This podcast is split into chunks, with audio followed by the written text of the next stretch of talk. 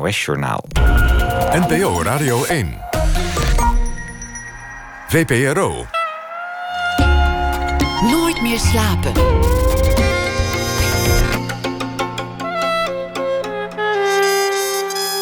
Met Pieter van der Wielen. Goedenacht en welkom bij Nooit meer slapen. Straks na één uur komt Alma Matthijssen. Zij leest een verhaal bij het voorbije jaar. En komend uur praat ik met Geert Max, lands favoriete geschiedenisleraar. Hoe God verdween uit Jorweert, de eeuw van mijn vader, de engel van Amsterdam, in Europa en de levens van Jan Six. Allemaal bestsellers die hij heeft geschreven. En onlangs kreeg hij in november de Bernhard Cultuurprijs voor zijn hele oeuvre. Geert Mak werd geboren in 1946. Geert Mak, hartelijk welkom. En gefeliciteerd nog met de prijs die je in november kreeg voor het, uh, voor het hele oeuvre. Dat is een uh, chique onderscheiding. Nou, zegt het wel, ze. Ja, duizelingwekkend was het een beetje. Ja, maar bedankt voor de felicitaties. Je, je bent een laatbloeier, zou ik kunnen zeggen. Of zie je dat zelf niet zo? Ja, zo zie ik het zelf ook. Ja, ik ben eigenlijk pas vanaf mijn, ja, vanaf mijn veertigste boeken gaan schrijven. En uh, blijkbaar had ik die tijd daarvoor nodig. Ik bedoel, ik ben heel lang gewoon uh, journalist geweest. Uh, stadsjournalist, straatjournalist. Maar um, wel een boel geleerd in die tijd. En ja, dat heb je al een enkele keer. Opeens ontplooide zich dat vanaf mijn veertigste ongeveer. En toen was de productiviteit ook meteen flink. Vanaf het moment dat je boeken ging maken, volgden ze met, met, uh, met een flinke vaart. Ja, vooral, uh, ik denk zo het eind jaren negentig. Toen heb ik echt. Ik had opeens de slag te pakken van een boek. Het klinkt gek. Als, je, als journalist ben je gewend op de 100 of op de 500 meter te lopen. En gebruik je daar de technieken voor. Uh, uh, relatief korte stukken. Gaandeweg schreef ik steeds langere stukken. Daar, zat het eigenlijk al in. En een boek is de marathon. Dat is een hele andere techniek van ritme en ademhaling. En ja, ik merkte dat me dat ontzettend goed lag. Maar ook dat ik die kennis die ik, en de ervaring die ik daarvoor had opgedaan... ontzettend goed kon gebruiken. Bijvoorbeeld een, een boek als In Europa, dat is al een enorme pil geworden... maar dat zou zeker twee keer zo lang zijn geweest... als ik niet op die stadsredactie allerlei technieken had geleerd... om heel, heel veel in een kort stukje te persen. Eigenlijk een soort horlogemakerswerk. Uh, waardoor het boek nog een... Ja, uh, waardoor er heel veel in, in Europa kon staan. Zon, ja, het, is nog dik, geef het zo toe... maar anders was het veel en veel groter geworden. Bijvoorbeeld, dat is een voorbeeld. En ook de combinatie van, denk ik, uh, geschiedschrijving met persoonlijke observaties, persoonlijke interviews. Uh, dat heb ik erg op straat geleerd. En trouwens ook, ik heb ook heel veel radio gemaakt. En bij radio moet je er echt bovenop zitten met je microfoontje. En dus uh, al met al, ja, die, die combinatie was opeens heel vruchtbaar. Radio, boeken, kranten. Ja, de VPRO Buitenlandredactie heb je, heb je heel veel voor gedaan. NRC Handelsblad en daarvoor de Groene... Ja. Groene Amsterdammer. In die jaren werkten jullie al ongelooflijk hard. Ik zeg jullie, het, het hele team dat daar toen zat, leek bezeten door het werk. Bij de Groene bedoel je? Ja, dat werd onlangs gememoreerd bij, bij een jubileum. Dat, ja. dat, het, dat het gewoon de nacht voor de deadline doorhalen was. Oh ja, enorm, enorm. Het was... Uh, Nee, ik heb, ik heb altijd wel hard gewerkt, maar nog nooit zo hard als uh, toen bij de Groene. Omdat je met een hele kleine redactie, uh, vier, vijf, een enkele keer is het luxe was zes mensen, moest je week na week een weekblad vullen. En dus dat, dat, dat, dat, was, was echt beulen. En dan ook nog met de, de goede zaak in, met hoofdletters voor ogen. Dus we verdienen heel weinig. En het was heel veel liefdewerk, oud papier, idealisme. En ook wel een gevoel van uh, als je faalde, dan faalde je voor het collectief. Dat was, het was een, ja, het, het, het, was een, mooi, maar ook slopend, die, die familie van de Groenen. En ik weet wel dat we, nou bijvoorbeeld. In de tijd dat. Uh, nou, dan moest je. Uh, maandag beslisten we dan waar de laatste stukken over zouden gaan. Je was eigenlijk de hele maandag nog bezig met stukken van medewerkers te bewerken. Dan, dan stroffelde je naar huis om een uur of half zes, zes uur. En dan begon je eigen boodschappenlijstje af te werken. Een, een, een commentaar zus, nog een nieuwsberichtje zo. En dan nog een lang stuk over de toestand in Irgizië of iets dergelijks. En dan om half zeven dan uh, leverde je stukken in. En dan hingen we echt uitgeput tegen het fotocopieerapparaat aan. En dan zei Afke Steenhuis, een nuchtere Groningse... jongens, neuken jullie ook nooit meer? Nou, dat, dat was het bij de Groenen. En we vielen ook, de stad was ook opgebroken in die tijd van allerlei... Nou, en, en zowel, ik weet wel, Paul Bril en ik... wij zijn ettelijke malen uit pure vermoeidheid... in zo'n groot gat gereden, bijvoorbeeld, s ochtends vroeg. Omdat we gewoon niet meer wisten waar we stonden. Dat je het gewoon niet meer kon zien, zo, Nee, zo ja, nee. vermoeid. Nee, het was beulen. Ja. Dat, dat was de, cultuur daar. Het was misschien ook wel de tijd, het idealisme dat bij de journalistiek hoorde. Maar, wat, wat waren jouw persoonlijke beweegredenen om, om, om zo hard te werken? Kun je, kun je dat verklaren?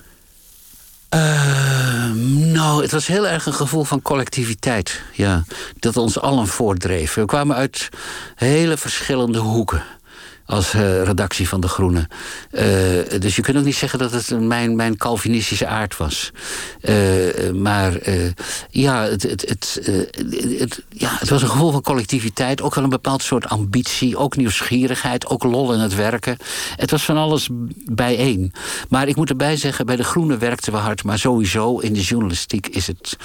Als je toch daar iets wil doen, is het altijd hard werken. Nog steeds wel. Ja, zeker. ik. zeker, Ja. zeker, ja. Je noemt je Calvinistische inborst. Ja, je, je, vader was predikant.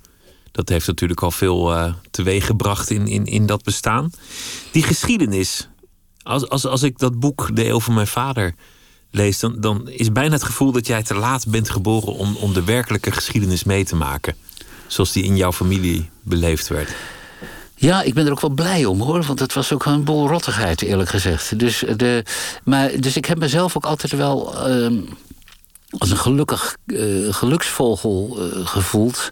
Omdat ja, mijn familie had in Japanse kampen gezeten. Een deel van de familie, mijn oudste broer en zus, waren toen al in Nederland. Maar eh, eigenlijk een hele ontheemde periode meegemaakt in de oorlog. Mijn oudste zus, ja, die was zo'n beetje geadopteerd door een verzetsfamilie. Ook, ja, echt ook, ook hele dramatische dingen meegemaakt. En ik kwam in dat gezelschap terecht als een zo onbehoorlijk gezonde baby uit een uitgeteerde moeder. Eh, maar ik ben er eigenlijk ook wel heel dankbaar voor. Want mijn broers en zussen, mijn moeder kuurde in Davos in die jaren. Ik dat tot mijn vijfde, mijn zesde ben ik opgevoed door mijn broers en zussen in een vrij anarchistische sfeer. Dat heeft me ook wel, eh, wel gevormd. Daar ben ik ook wel heel blij mee. Geboren na de storm als, als een soort. Cadeautje. Ja. cadeautje van Ja, de Zo vrede. hebben ze het allemaal wel beschouwd. Ja. Een, een gezond kind uit een ongezonde moeder, uit een uitgeteerde moeder, zeg je. ja. Wat, wat, was, jouw, wat was jouw rol dan in dat, dat gezin? Ja, die was, die was wel, ik denk, dat is allemaal achteraf gezien. Die, die is wel bindend geweest, ja.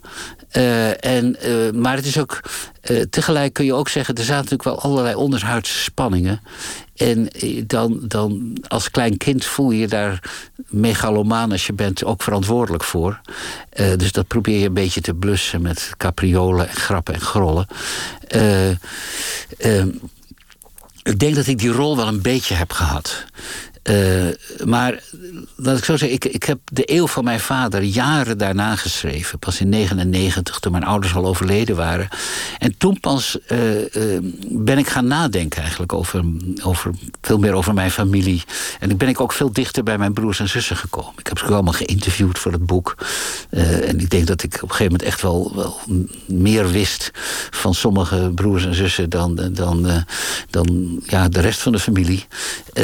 Dus ik heb eigenlijk de afstand die er tussen hen en mij bestond, heb ik door het schrijven van het boek eh, ja, eh, wel een beetje ingehaald. Hoewel het een, een neveneffect was. Er zijn ook mensen geweest die zeggen: ja, eigenlijk voelde jij een psychologische drive om dichterbij te komen. Dat was het helemaal niet. Ik, de eeuw van mijn vader heb ik altijd eh, gezien als een geschiedenisboek met wat illustraties uit mijn eigen familie. Alleen dat familieverhaal van mijn familie bleek veel meer interessanter te zijn. Er waren veel, was veel meer materiaal over eigenlijk dan ik ooit vermoedde toen ik aan het project begon. Dus ja, eigenlijk is het een, een neveneffect geweest dat ik steeds dichter bij mijn eigen familie kwam. Maar wel een neveneffect waar ik heel blij mee ben. Het was niet de bedoeling, het was niet de intentie toen je Nee, eraan nee, begon. absoluut niet. Nee. Is dat ook nooit een drang geweest in je jeugd om, om te hebben deelgenomen aan dat grote avontuur? Hoewel het geen leuk avontuur was, het was natuurlijk gewoon een verschrikkelijke tijd. Het was gewoon rampspoed. Maar jij was degene die niet kon meepraten, die het allemaal niet had beleefd. Dat, ik denk dat dat bij de, de dat dat onbewust bij. Ik, ik hoorde ook echt bij de 68ers, zoals ze dat in Frankrijk zeggen. Uh, bij onze generatie wel een rol gespeeld heeft. Dat men, mijn generatie uh, heel goed heeft gevoeld dat de vorige generaties heel veel ellende hadden doorgemaakt, maar tegelijk hadden ze echte geschiedenis meegemaakt en hadden ze echt spectaculaire dingen meegemaakt. En ik denk dat mijn generatie altijd wel een beetje jaloers daarop is geweest. Ik weet nog wel dat bij de bezetting van het Maagdenhuis, nou, er werd een beetje geknuppeld. En ik weet nog wel dat een van mijn kennissen die riep: uh, Nu maak ik eindelijk eens mee wat mijn ouders hebben meegemaakt. Nou, dat was natuurlijk allemaal absolute flauwekul. Maar het, het, uh, ook dat bijvoorbeeld politieagenten werden uitgekreten als fascisten en nazi's. Hè, dat herhaling van die symbolen. Dat, dat had te maken, denk ik wel, met. met uh, ja, men wilde het liefst iets van die geschiedenis meemaken en herhalen. En het dan ook goed doen. Want... En het dan het, daarna natuurlijk de goede rol vervullen. Hè? En, wel het verzet en, en totaal in de goede kant staan en 100% zuiver zijn. En et cetera, et cetera. Ja, ik denk dat het bij mijzelf. Uh, ik heb nooit agenten voor fascisten uitgemaakt. Maar uh, het, het, zal bij mij zeker ook een rol gespeeld hebben. Zeker, ja. Die rol van verbinder in het gezin. Hè? De, de, degene die de conflicten als een soort neutrale mogendheid kon beslechten. Die, die door grappig te zijn en schattig te zijn de sfeer kon terugbrengen. heeft dat doorgewerkt in je latere leven? Is dat een rol die je makkelijk op je neemt? Ja, ik, ik denk in die zin dat je dat, dat meer mensen hebben die rol. Uh, dat je je verantwoordelijk een beetje voelt voor de goede sfeer in de omgeving waarin je werkt. Uh, uh, dus het is een rol die ik, die, die ik inderdaad wel vaker heb opgepakt. Soms met succes, soms mislukt het totaal. Moet ik ook zeggen. Um, uh, het is een dankbare rol, dat ook. Uh, terwijl bijvoorbeeld, uh, ik heb ook wel vrienden die, die veel meer de rol hebben van zeg maar de werkelijkheid ontbloten. Of het conflict blootleggen, wat ook een buitengewoon nuttige rol is. maar ja, dat is een, is een, rol die niet zo dankbaar is. Dus het. Ja, en, en ik, bij mij is het ook wel zo dat ik ben wel een verbinder, maar op een gegeven moment word ik ook wel erg kwaad hoor. En uh, vind ik echt dat iets niet kan. En, en dan kan ik ook wel uh, flink uitpakken. Ik doe het niet zo gauw, maar dat heb ik wel in me. En, en ik ben ook wel een beetje een actievoerder. Het is niet alleen maar de, de verzoener. nee, totaal niet. Nee. nee ik had bijvoorbeeld bij die prijs. Dat vond ik natuurlijk aan de ene kant is dat allemaal heel mooi. En de koningin erbij. En iedereen roept hoera. Uh, en dan denk je, nou ja, ik heb blijkbaar iets verbonden eh, in dit land wat Nederland heeft. En tegelijk denk ik, uh, ho, ho, ho, ik, uh, je moet er wel kritisch blijven. Hè? En ja, dat halve establishment staat daar te klappen in het muziekgebouw. En ik denk stiekem, woef, heb ik mijn werk eigenlijk wel goed gedaan. Dat is het ook. Als iedereen het mooi vindt, was het dan wel echt goed? Ja, zeker. Als, als er een soort, ja, toch, toch een, uh, ja, de, zeg maar, de deftigheid van Nederland allemaal even mooi begint te vinden, dan word ik steeds wantrouwiger naar mezelf. Want je bent nog steeds wel, um, om, om het bij de Franse term te houden, een, een 68er. Nou nee, dat niet alleen. Het is, het is, uh, dat is puur, dat heeft ook met je rol als, als, als journalist te maken. En met je rol als, uh, om het maar zwaar, zwaar te zeggen, ook, toch, toch ook een beetje als een rondzwevende intellectueel. Dat je de hele tijd vervelende vragen moet blijven stellen. Dat je de hele tijd ook illusies moet openkrabben. Uh, dat, je, dat je echt toch uh, ja, een, beetje een, een, vervelend moet blijven. Als een soort rekenkamer, maar dan in, in, op het gebied van meningen en mythes en wat men, men elkaar maar wijs maakt. ik, ik, ik vind echt dat, dat, dat zei ook in mijn toespraakje die middag onze taak is om de waarheid te heroveren. En dat is zeker in deze tijd een, een, een groot vraagstuk. Omdat de, ik denk dat een van de belangrijkste gevechten die nu plaatsvindt, is het gevecht om de waarheid. En eh, wat is nog de werkelijkheid? We zijn echt, we moeten de verlichting eh, verdedigen. Een belangrijk, eh, zeker wat dit betreft, een belangrijke waarde van de verlichting is toch de hele tijd twijfel alsmaar weer opnieuw kijken wat er aan de hand is. Uh, ook aan jezelf twijfelen. Uh, de hele tijd weer om die werkelijkheid heen lopen. Nieuw licht opwerpen. En maar kijken, kijken, kijken. En op dit moment zie je dat er gewoon allerlei waarheidssystemen ontstaan... die helemaal niks meer met de werkelijkheid te maken hebben. Donald Trump is natuurlijk het meest extreme voorbeeld... maar ook binnen Nederland zie je dat steeds meer opduiken. Dus wat je eigenlijk zegt is... als iedereen je aardig vindt, dan ben je onschadelijk gemaakt. Ja, daar moet je wel voor uitkijken. Daar moet je ontzettend voor uitkijken. Zeker in mijn vak. Dat is. Uh, dat, uh, ja, dus er moet, er moet altijd een. Uh, de, ik denk echt op zo'n moment van. Nou ja, ik, ik, ik moet ook uitkijken. Ja. Zit, zit er ook de predikant in jou? Want jouw vader was predikant. Jij, is dat een rol die jij ooit op je hebt genomen? Bij de Groenen, denk ik wel. Maar op een gegeven moment, ik weet nog goed... dat ik op zo'n nacht dat commentaartje zat te tikken. En toen dacht ik, verdorie nog, en toen doet precies hetzelfde als mijn vader. Daar is hij, ja. Uh, mijn vader schreef zijn preek uh, op zaterdagmiddag. Ik schrijf mijn preekjes op uh, maandagnacht om drie uur. Maar het is hetzelfde gedrag. En toen ben ik daar ook van afgestapt. Toen ben ik echt een hele andere journalistieke stijl gaan beoefenen. ben ik veel meer gaan schrijven van, ik vertel niet meer wat ik vind. Ik bedoel, ik vind wel dingen, maar ik vind dat de lezer zijn eigen conclusies moet trekken. En mijn werk is veel meer materiaal aandragen voor de lezer en voor de kijker, zodat hij die conclusies op een hopelijk verantwoorde manier kan trekken. Uh, tegelijk moet je ook eerlijk zijn en zeggen van het materiaal aan, wat ik aandraag is altijd geselecteerd. Je bent en als historicus en als journalist, die twee vakken liggen eigenlijk heel dicht bijeen, ben je bezig een bepaalde orde aan te brengen in een chaos van feiten, opinies, eh, weet ik wat allemaal. En dat is altijd uh, dat is nooit objectief.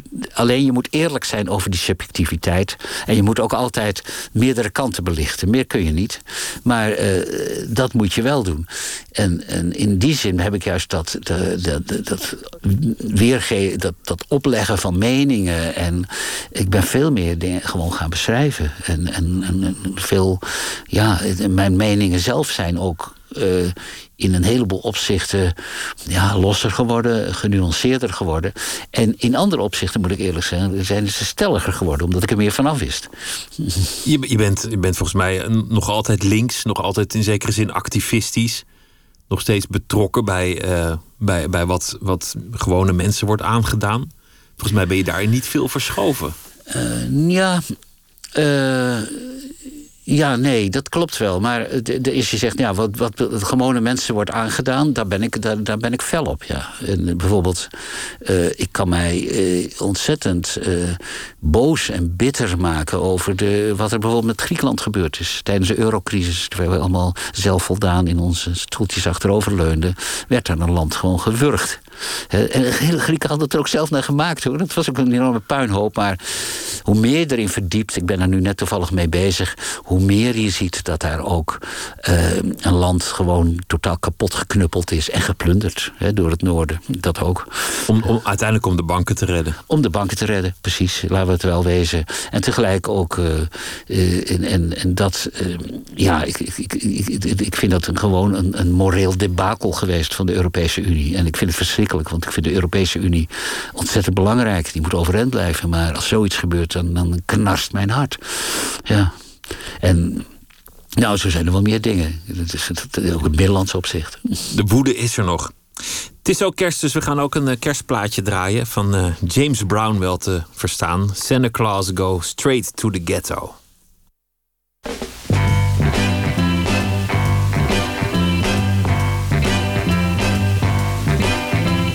Santa Claus. Go straight to the ghetto. Hitch up your reindeer. Uh, Go straight to the ghetto. Santa Claus. Go straight to the ghetto. Fill every stocking you find. The kids are gonna love you so. Uh, Leave a toy for Johnny. Leave a doll for Mary. Leave something pretty for Donnie. And don't forget about Gary. Santa Claus goes straight to the ghetto. Santa Claus goes straight to the ghetto. Tell him James Brown sent you. Go straight to the ghetto. You know that I know what you will see. Cause that was once me. Hit it, hit it. You see mothers and soul brothers. Santa Claus go straight to the ghetto.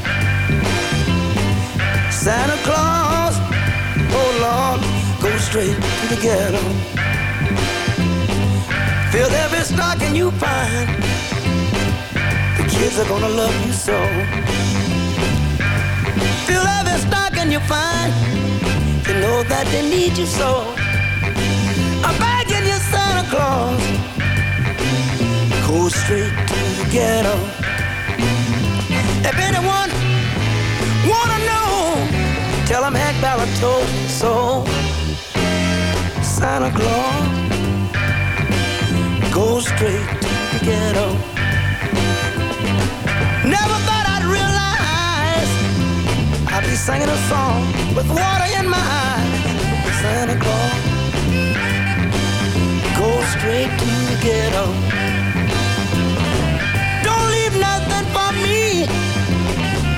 I've had my chance, you see. Santa Claus, go straight to the ghetto. Santa Claus, a soul brother needs so.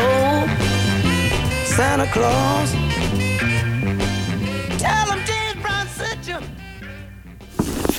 James Brown, Santa Claus Goes Straight to the Ghetto. Nooit meer slapen. In gesprek met Geert Mak, die eh, eerder dit jaar ook een eh, belangrijke prijs kreeg. Eh, we hadden het over jouw gang de geschiedenis in.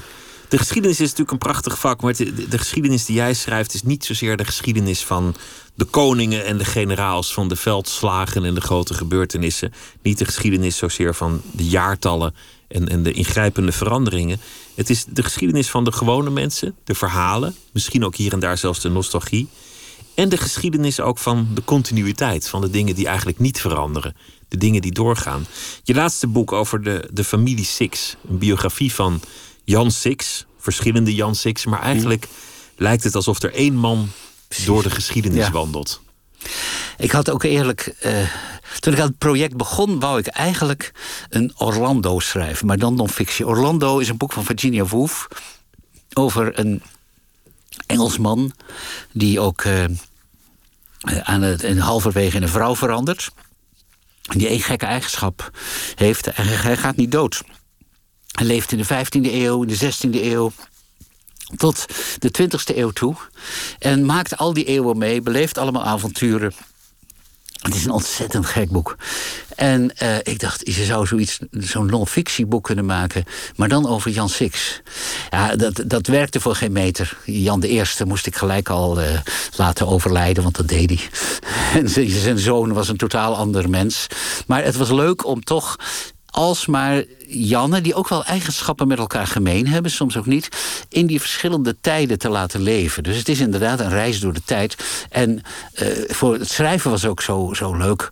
In de eerste plaats omdat er over elites wel het nodige is gepubliceerd, maar over die regenten-elite eh, voor een breed publiek ook weer niet zo heel veel. Eh, en, en zeker ook over de, de, de aristocratie dan in de 19e eeuw. Er is, is heel goed wetenschappelijk onderzoek gedaan, maar ook weer voor een breder publiek ook weer niet zoveel. Dus het was een leuk terrein. Maar tegelijk, als je met zijn familie meeloopt, kom je op de gekste plekken van de geschiedenis terecht. Eh, die allerlei rare uithoeken waar ik nog nooit geweest was. Dus het was een, een, een, een prachtige tocht. Maar over gewone mensen dit waren wel op bepaalde manier gewone mensen met eh, soms heel veel verdriet als hun kinderen doodgingen. En ook op een gegeven moment in het begin van de 19e eeuw wordt er een van die dochters verliefd op een schoutsdienaar. Nou, dat is een hele lage, een enorme rel in de familie. Het is heel mooi om die correspondenties te lezen. Uh, ook het huwelijk van haar, haar broer, dat is weer een ramp. Dus allemaal boos. Nou, er zit heel veel emotie. Maar tegelijk zie je ook, mensen leefden dus helemaal nog een systeem van rangen en standen, van ongelijkheid.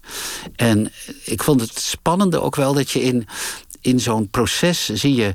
Uh, dat, dat zo in de 19e eeuw, eigenlijk met de Franse Revolutie, wordt het opeens omgedraaid. Wordt in wezen gelijkheid de norm in plaats van ongelijkheid. In 17, 18 was ongelijkheid de norm.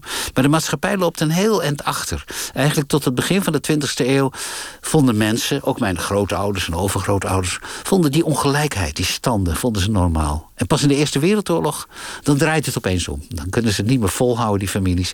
Ik, ik vond dat proces heel mooi van het denken in ongelijkheid naar het denken in gelijkwaardigheid. Gelijkheid niet, maar gelijkwaardigheid. Dus dat, dat, dat vond ik eigenlijk het leuke zelf van het schrijven van dit boek. De regenten, het, het is een term die je nog steeds heel vaak hoort. Het gaat altijd over regenten in Nederland, maar die geschiedenis van wat waren nou die regenten is nooit zo heel veel beschreven. Terwijl dit vermoedelijk is wat Nederland onderscheidt van bijvoorbeeld een, land als Frankrijk. Ja, absoluut. We hebben een heel andere elite, een heel andere aristocratie. We zijn een republiek, dat moeten we niet vergeten. We zijn altijd een republiek ook gebleven. Formeel werden we een koninkrijk. uh, uh, Frankrijk is, altijd is nu een republiek, maar is eigenlijk altijd heel, heel koninklijk geweest. Precies, en, uh, ik, ik ooit een keer een, een Franse historicus... die kwam mij giechelend vertellen... want die was bij een ontvangst geweest van Chirac en, en, en Beatrix... die was op een staatsbezoek en zei: Nou, het was fantastisch. Uh, Chirac komt binnen. Uh, lakeien, trompetgeschal, weet ik wat allemaal. Uh, kin vooruit. Je ziet duidelijk dat daar de president van de monarchie binnenkomt. En daarna kwamen Beatrix en Klaus vriendelijk knikkend, groetend, et cetera. Aanroepen. Ja, dat was, de, dat was de koningin van de republiek. Dat is evident. Weet je, dan, dat, dat, ik denk dat je Nederland ook alleen goed kunt begrijpen als je realiseert dat het in wezen een republiek is. En die, die regenten speelde natuurlijk tot 1795 eh, ja, een hele bepalende rol in, in de stedelijke politiek en in de provinciale politiek en zeker ook in de stad Amsterdam. Amsterdam had echt tot 1795 een hele eigen buitenlandse politiek. Onderhandelde met het buitenland. Het is nou allemaal niet meer voor te stellen, maar het is nog maar uh, dik 200 jaar geleden was het zo. Daarom is, daarom is het ook zo moeilijk om, om die republiek te begrijpen. Dat, dat, je had de Staten-Generaal, die waren niet echt de baas. Je had die Oranjes, maar die waren ook niet echt de baas. Je had de steden, maar die hadden niet, niet geheel de macht, maar toch een soort autonomie. Het Wie was, hier nou eigenlijk de baas? Niemand. Dus dat maakte ook dat, dat het systeem aan de ene kant heel flexibel was. Dat men ook goed kon improviseren. En aan de andere kant dat, dat als er een ramp ontstond zeg maar een, een, aanval van een buitenlands leger. Ja, dat in 1672 ging het goed, omdat toen uh, stadhouder Willem III heel kundig bevelhebber uh, bleek te zijn. Uh, maar later ging het helemaal niet goed. En ja, dat, je zag dat systeem wel langzaam imploderen. En dat is bijvoorbeeld. voor, de Republiek deed ontzettend denken aan de huidige Europese Unie. ook iets wat in wording is, dat met allerlei labwerk en rare ook, constructies toch een beetje aan elkaar geshort is. Dat aan het groeien is.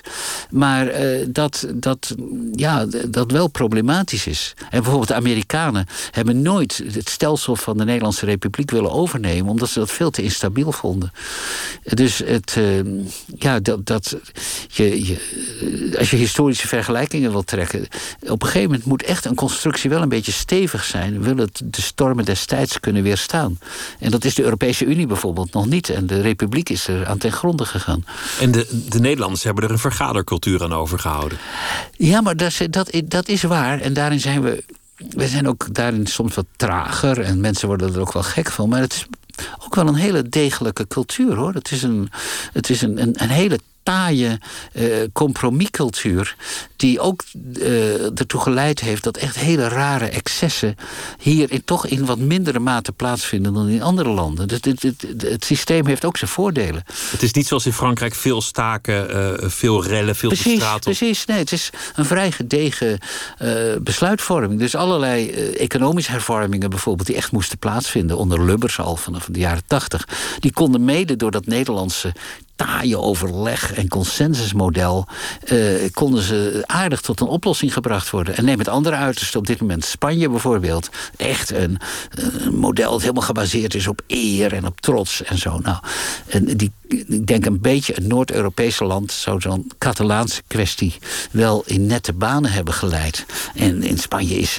lijkt het dat compleet onmogelijk. Uh, dus dat, dan zie je ook de nadelen van zo'n ja, autoritair uh, een beetje star ja, je, richt een, je richt een commissie in en die laat je een rapport schrijven. Uh, het is allemaal zo truttig als wilt, maar het, het functioneert wel, ja. Het mede is dat in, Nederland een behoorlijk welvarend land... Door, door dit soort getrut, eerlijk gezegd. De dingen die doorgaan, dat is een, een aspect van de geschiedenis... dat veel moeilijker te vangen is, maar net zo boeiend... als de grote gebeurtenissen en de radicale veranderingen. De revoluties, maar juist ook de niet-revoluties. Hoe God verdween uit Jorwert was een, een boek dat daarover ging. De trage geschiedenis. De geschiedenis die, die, die schijnbaar onbewogen door zo'n dorpje raast, maar tegelijk alles verandert, maar veel, veel subtieler, veel implicieter. Ja, en tegelijk heel revolutionair natuurlijk. De, de, mijn uitgever zei begin jaren negentig... je moet een boek schrijven, nou is niet over de stad, maar over het platteland. Want volgens mij gebeurt daar meer dan, dan in de stad. Hij heeft helemaal gelijk gehad. Daardoor ben ik dat, zeg ik nou, de hoofdpersoon moet een dorp zijn. Ik kende, ik had vrienden in Jorwert. En, uh, ik bedoel, ik dacht, laat, laat ik Jorwert maar proberen. Ik, ik, spreek ook, ik spreek, maar ik versta goed Fries. Dus dat was ook allemaal... Uh, en dat bleek eh, veel onder een beetje dunne laag, dun laagje verstedelijking. Ja, bleek echt die oude klassieke plattelandsstructuren volop aanwezig te zijn. Want ik had voordat ik Jorwet schreef, heb ik echt wel een half jaar internationale studies uh, bekeken en gelezen over boerencultuur en, boeren, uh, ja, uh, en, en, boerentradities. Omdat al die boerenculturen overal ter wereld hebben bepaaldezelfde patronen. Bijvoorbeeld de familie staat altijd heel erg centraal. Ze hebben een bepaalde omgang met geld. Ze zijn vaak heel erg aan rituelen gehecht, omdat het de enige manier is. Het zijn eigenlijk overlevingsculturen. Nou, ik hoefde geen decimeter de grond in te prikken in Jorf. Of ik zat alweer op die oer, boeren-oerculturen. Zelfs in dat moderne Jorvert. Maar ik moet erbij zeggen. Uh, is natuurlijk een storm over het platteland gegaan de afgelopen 20 jaar. Dus toen, ja, het is nu al 25 jaar. Toen, toen in Jorvert werkte in 1993, toen waren er nog veel meer boeren. Bovendien was toch het landschap nog ja, nog redelijk klassiek. Ja, en nu, dat hele landschap ligt nu vol met enorme megastallen. En, en ja, het is alleen nog maar één soort gras is er ingezaaid. Engels rijgras. En eh, al die oude greppels zijn rechtgetrokken. Dus er is ook een... Deels is dat ook nodig hoor. Boeren kunnen niet anders. Maar ja, je ziet wel dat die, dat, dat cultuurlandschap en ook die boerencultuur... ja, uh, zwaar is aangetast, zo niet verloren is gegaan. Het is nu delen van Friesland.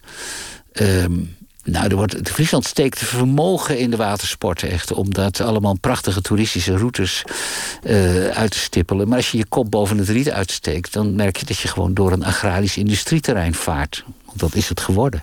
En dat is natuurlijk heel treurig. De schaalvergroting is op alle vlakken reusachtig geweest. Ja, en mondialisering natuurlijk ook. Er, zijn, er is, gelukkig vind ik heel interessant. Er is in Friesland nu echt begint er een tegenbeweging te ontstaan. Ook onder boeren. Want heel veel boeren krijgen van alles de schuld. Maar dat is natuurlijk onzin. Die, die zijn ook deel van dat systeem. En vinden het vaak ook helemaal niet leuk om zo te werken. En houden ook van vogels en van dat landschap. Alleen, ja, je ziet ik, ik woon nu voor de helft van de tijd in Friesland. Ja, ik heb het voor mijn neus zien gebeuren. Toen wij daar net kwamen wonen, uh, dat was in 2005. Nou, horen en zien verging je. S ochtends om een uur of vijf in, in, in mei. Van de weidevogels. En nu is het stil. Dat, dat is in, in, in dik tien jaar is dat, uh, is dat gebeurd. Er zit ook, er zit ook nostalgie in, in jouw werk. Iets waar een historicus aan de universiteit zijn neus voor ophaalt, van, van, van wegschrikt. Misschien ook op af zou geven. Nostalgie, dat is verboden voor de, de beroepshistoricus. Maar jij laat het toe in je werk. Dat klopt, dat klopt. Het is me ook wel verweten. Uh, ik bedoel het niet verwijtend. Nee, dat hoor, ik aan, dat hoor ik aan je vraag.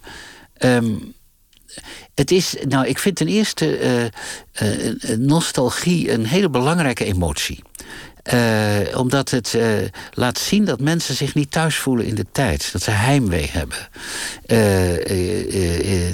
dat, je ziet het bijvoorbeeld in kleinere steden. Dan zijn je allerlei flatwijken en, en, en zijn daar omheen gebouwd. Maar die oude centra zijn waanzinnig populair. Gewoon mensen willen dat gevoel van eigenheid houden. Dat is een, een emotie waar je enorm op moet letten. En waar je niet minachtend over moet zijn. Want die heimwee, dat heimwee, dat betekent dat mensen zich niet thuis voelen in hun tijd. Aan de andere kant is het ook een hele gevaarlijke emotie. Want je, je, het leidt er ook toe dat je een verleden gaat construeren dat in werkelijkheid nooit heeft bestaan. Die je ziet bepaalde politieke partijen in allerlei richtingen. Die, die construeren nu een nationale identiteit. Die er waarschijnlijk nooit geweest is. Of tradities die misschien wel waren, maar ook helemaal niet zo leuk waren. Of ze willen terug naar het Nederland van zeg maar uh, 1850 ongeveer. en uh, vergeten dat het, een, dat het, heel, heel, dat het ook een heel naar land was in die tijd. En dat je de. de dus je, je gaat er ook nostalgie leidt ook toe tot een idealisering. Je, je moet er ook enorm voor uitkijken. Maar ik vind het als emotie. Um, vind ik het een belangrijke emotie waar je enorm op moet letten. En ja, wat ik, ik denk dat ik met mijn boeken. Uh, ja, soms wel nostalgie oproep. En ik vind ook dat, het, dat je mag, de vraag mag stellen. In Jorwert is dat heel sterk. We hebben ontzettend veel plezier gehad van de vooruitgang. Uh, uh, het leven is ons duizend keer makkelijker dan van onze ouders en grootouders en overgrootouders. Maar tegelijk um, is daar ook een prijs voor betaald. En je mag ook best eens een nadruk leggen op die prijs. En, wat er verloren is gegaan. Ja, wat er verloren is gegaan. En, en uh, ook dat je ook eens je afvraagt: is het die prijs wel waard geweest? Dat mag je ook afvragen. Dus... Maar, maar, we hebben het nu over de boeren, maar in, in zekere zin schaalvergroting, internationalisering, de macht van het geld. De, de, de, macht van het getal niet te vergeten. De macht van het getal. We denken alleen nog maar aan getallen. Hè? We denken niet meer aan het bestaan, aan sociale cohesie. We denken aan getallen. Maar dat geldt niet alleen voor de boeren. Het geldt, het geldt eigenlijk voor iedereen die een ambacht heeft. Ja, uh, dat is zeker zo. Maar soms zijn er ambachten waar je wel degelijk in die internationalisering verschrikkelijk veel plezier kunt beleven. Mijn eigen ambacht bijvoorbeeld. Uh, ik bedoel, ik sta te juichen bij, uh, bij internet. Ik kan opeens vanuit een, een kleiterp in Friesland kan ik de halve Amerikaanse, wat zeg ik, driekwart van de Amerikaanse archieven doorploegen. Het is echt fantastisch. Dus het, het, die voordelen zijn enorm. Alleen, uh, er is op andere terreinen. Uh, ja, is, is, is, is, is, is het echt. Uh, zie je gewoon dat, dat, dat, dat, dat, dat, dat het bestaan dunner wordt.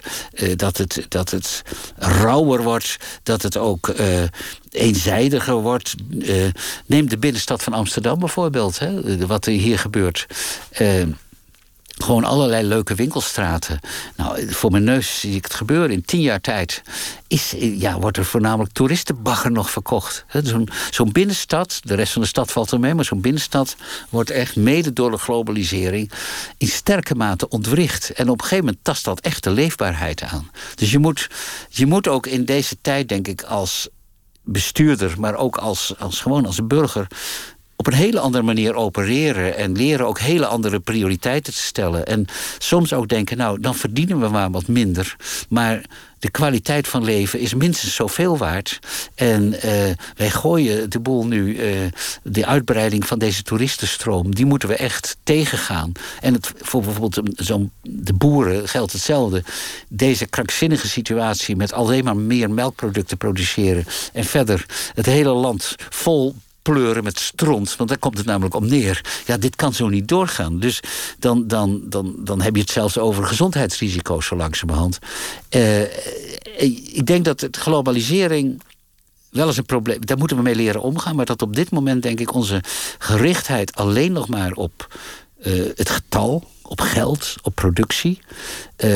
Dat, dat, dat dat onze grote kwaal is. Je zei, nostalgie moet je serieus nemen. Want het geeft aan dat iemand zich niet thuis voelt in zijn tijd. Ja. Dat is dus eigenlijk een, een verklaring voor de onvrede die woedt.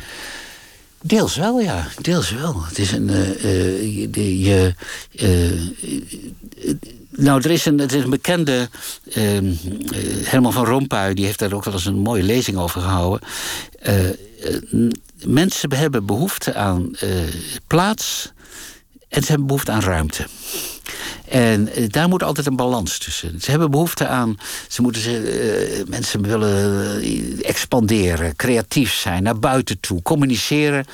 Maar daartegenover is altijd een tegenpol nodig. Iets van eigenheid, voorspelbaarheid, traditie. Dan hoef je helemaal niet te gaan kneuteren, maar iets wat, wat even eigen is. En uh, Van Rompuy, al een paar jaar geleden, merkte terecht op dat de Europese Unie bijvoorbeeld het probleem heeft dat het uit balans is. Dat er te veel ruimte heeft en te weinig aandacht heeft gehad voor de behoeften die mensen hebben aan plaats. En ik denk dat dat klopt. Uh, dus dat je daar, een, een, dat je daar heel goed, uh, heel goed op, op die balans moet letten.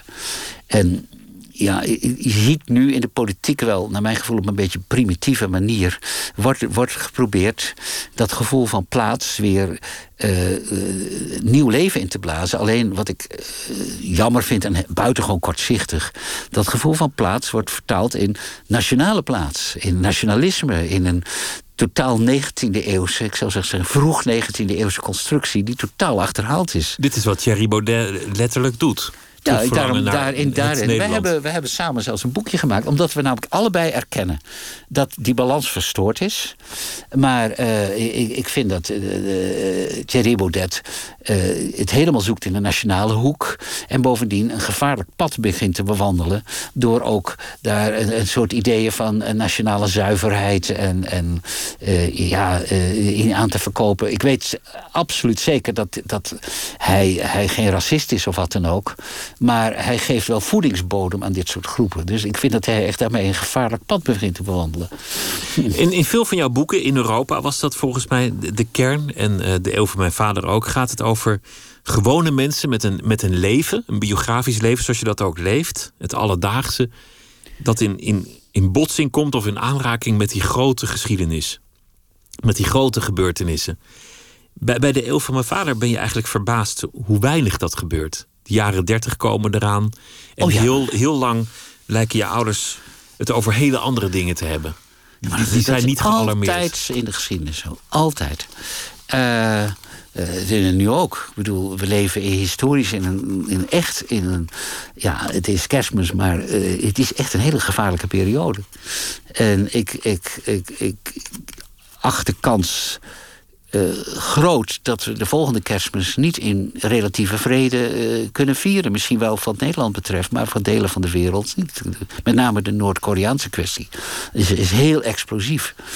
En, uh, de, dat, en uh, ja, toch, toch iedereen dendert maar gewoon door. Hetzelfde zie je bijvoorbeeld met het klimaat. Ik las net een, een, een, een heel interessant opiniestuk uh, van iemand die de, uh, wat het klimaat betreft de media naliep, een Amerikaanse. Die zei: Nou, uh, in de tijd van de grote tornado's ging het nog altijd bij, in de media, binnen de media, de kranten en televisie. Uh, 70% van de aandacht was voor Donald Trump. Dat was niet te geloven. Een, dat is een, fascinatie. En maar 7% ging over klimaatproblemen. Waar die drie orkanen die Amerika dit jaar geteisterd hebben, alle drie op in hevige mate mee te maken hadden. Het klimaatprobleem uh, is nu iets, zeg maar wat we in de jaren dertig hadden met het uh, opkomend nationaal socialisme. Iedereen steekt zijn kop in het zand. Uh, op een kleine groepen na.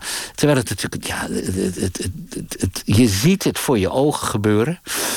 Iedereen kan het waarnemen. En ja, echt. toch willen we er eigenlijk niet aan. Omdat het namelijk enorme consequenties heeft voor ons dagelijks leven. En, dat is vaak, mensen willen stellen het zo lang mogelijk uit om iets onder ogen te zien.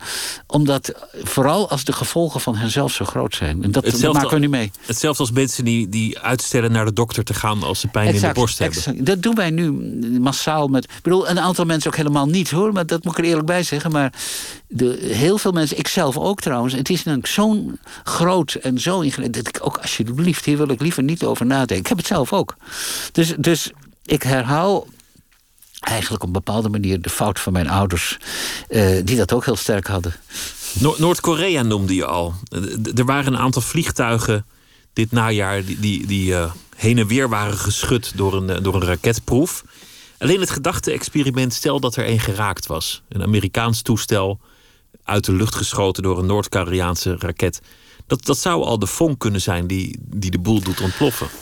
Ja, dat zou kunnen. Um, het, het, het, Kijk, Noord-Korea is echt al heel lang een heel groot probleem. Dat is niet de schuld van welke Amerikaanse president ook. Dat is een heel lastig, heel lastig uh, internationaal vraagstuk. Uh, alleen de, de, omgeving waarin dat probleem zich afspeelt, is door het gedrag mede van Donald Trump. Ook die Kim is natuurlijk ook helemaal van de gepot gerukt. Maar, door, maar ook door het gedrag van deze. Je moet als Westen en als China en als Rusland en als Amerikaanse. moet je in dit soort problemen proberen de wijste te blijven. En eh, Trump is als een olifant door de porseleinkast uh, heen gegaan. Bijvoorbeeld door mm, zich extreem beledigend uit te laten over deze leider Kim. Waar alle Noord-Koreanen waanzinnig boos over worden. Als je, als je weet hoe de situatie daar is, dan ben je daar bijvoorbeeld al heel voorzichtig mee. Uh, en bovendien. je ziet dat um, dit is typisch een probleem dat alleen na beheerst kan worden. Een andere, oplossen doe je het niet, maar beheerst kan worden door een uiterste aan diplomatie van de beste diplomaten die je hebt. Uh, en wat doet Donald Trump? Die ontslaat uh, zijn diplomaten op dit moment bij, bij, bij bij honderden. Uh, kleedt het hele ministerie van Buitenlandse Zaken uit. Uh, heeft, uh, ja, zo de, minister van Buitenlandse Zaken heeft eigenlijk geen, geen gezag meer. Want dat is voortdurend ondermijnd. Dus die hele diplomatie ligt, duwt, duwt hij omver.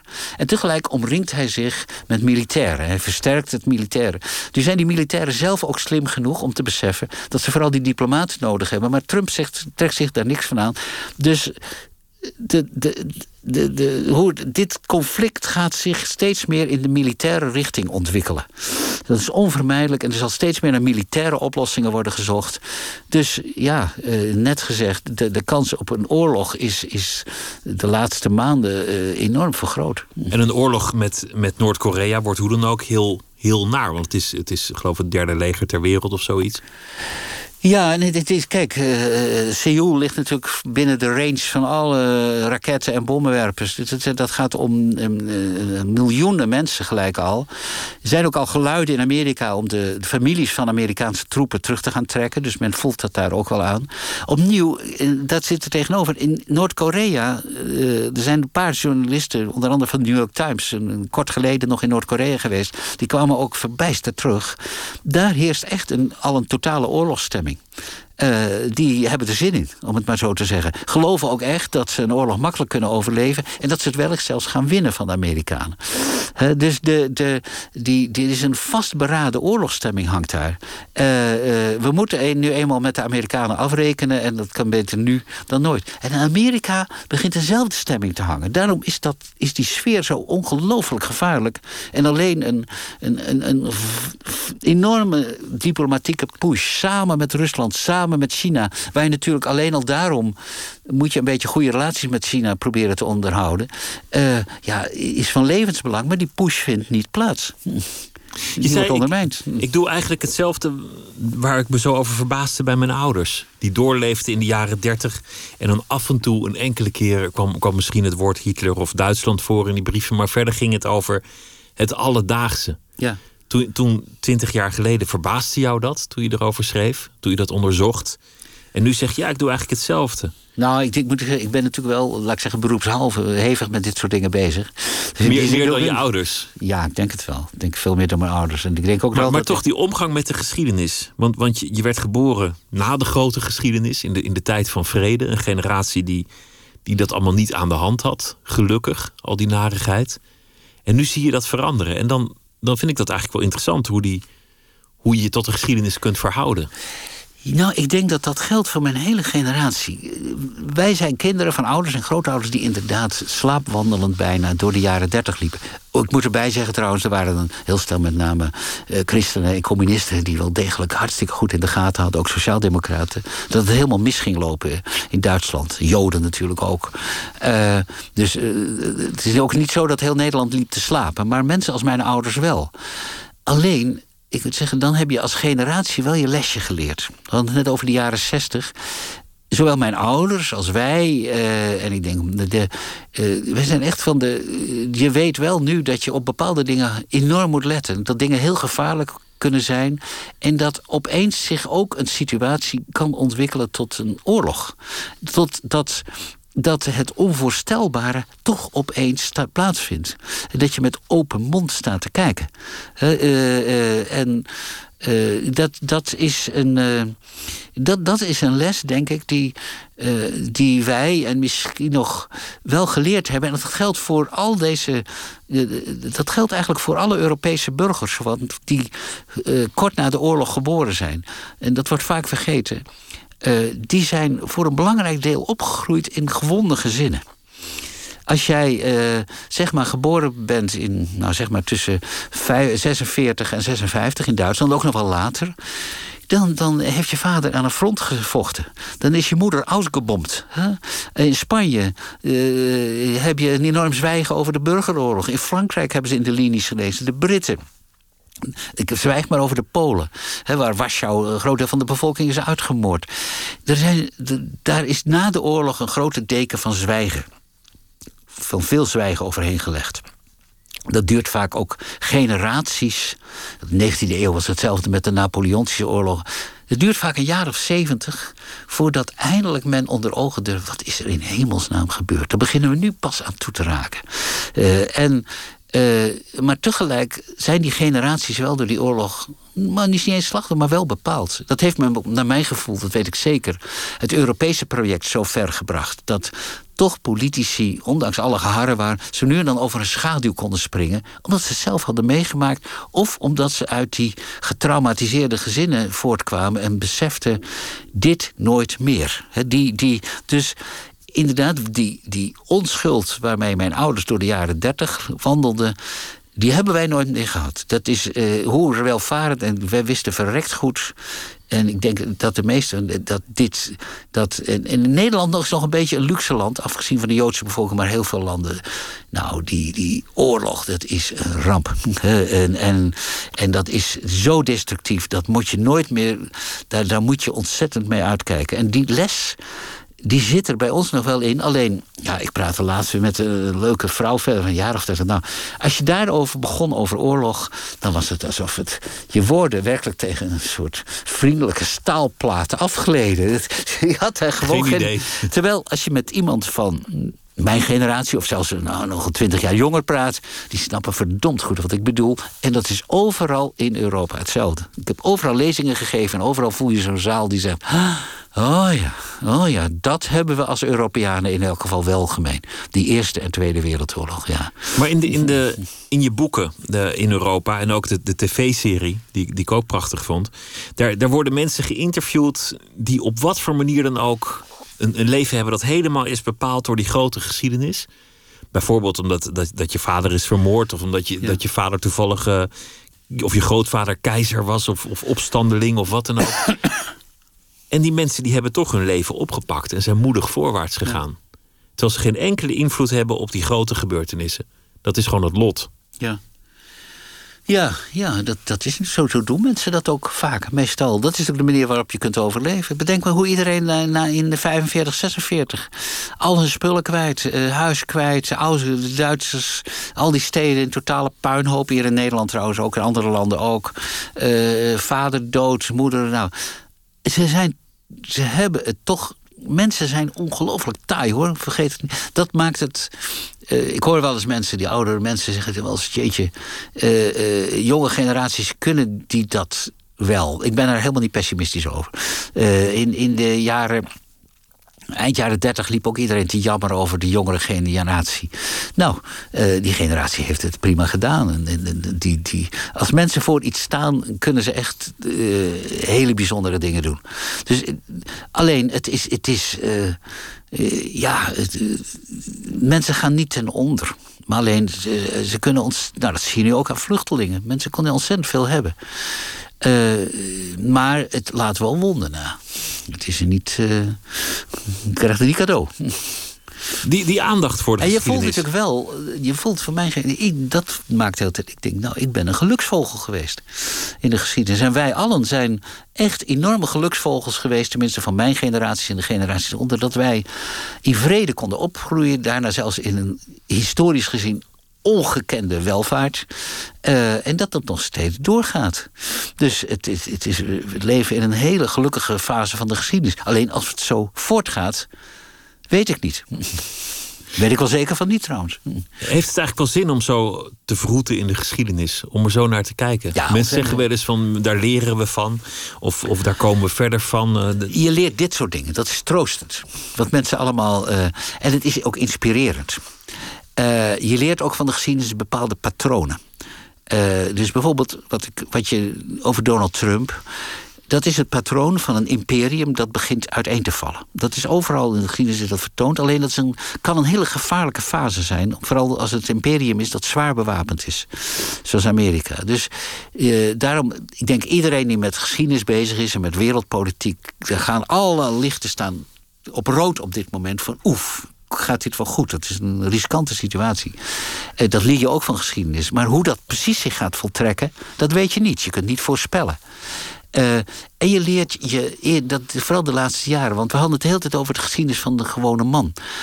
Ik leer ook toch erg veel van mensen die eh, moedige beslissingen namen. Mensen die in de politiek zaten. Mensen die in het bestuur zaten. Ik bedoel, eh, ik, eigenlijk, ik wil nu iets schrijven over Europa de komende jaren. Maar ik wil ook heel graag nog een, een dubbelbiografie schrijven. Als ik tijd van leven heb over ehm, eh, twee mensen op de achtergrond, Jean Monnet en Harry Hopkins. Harry Hopkins was de, de man die Roosevelt eigenlijk alles influisterde, was de buddy van Roosevelt.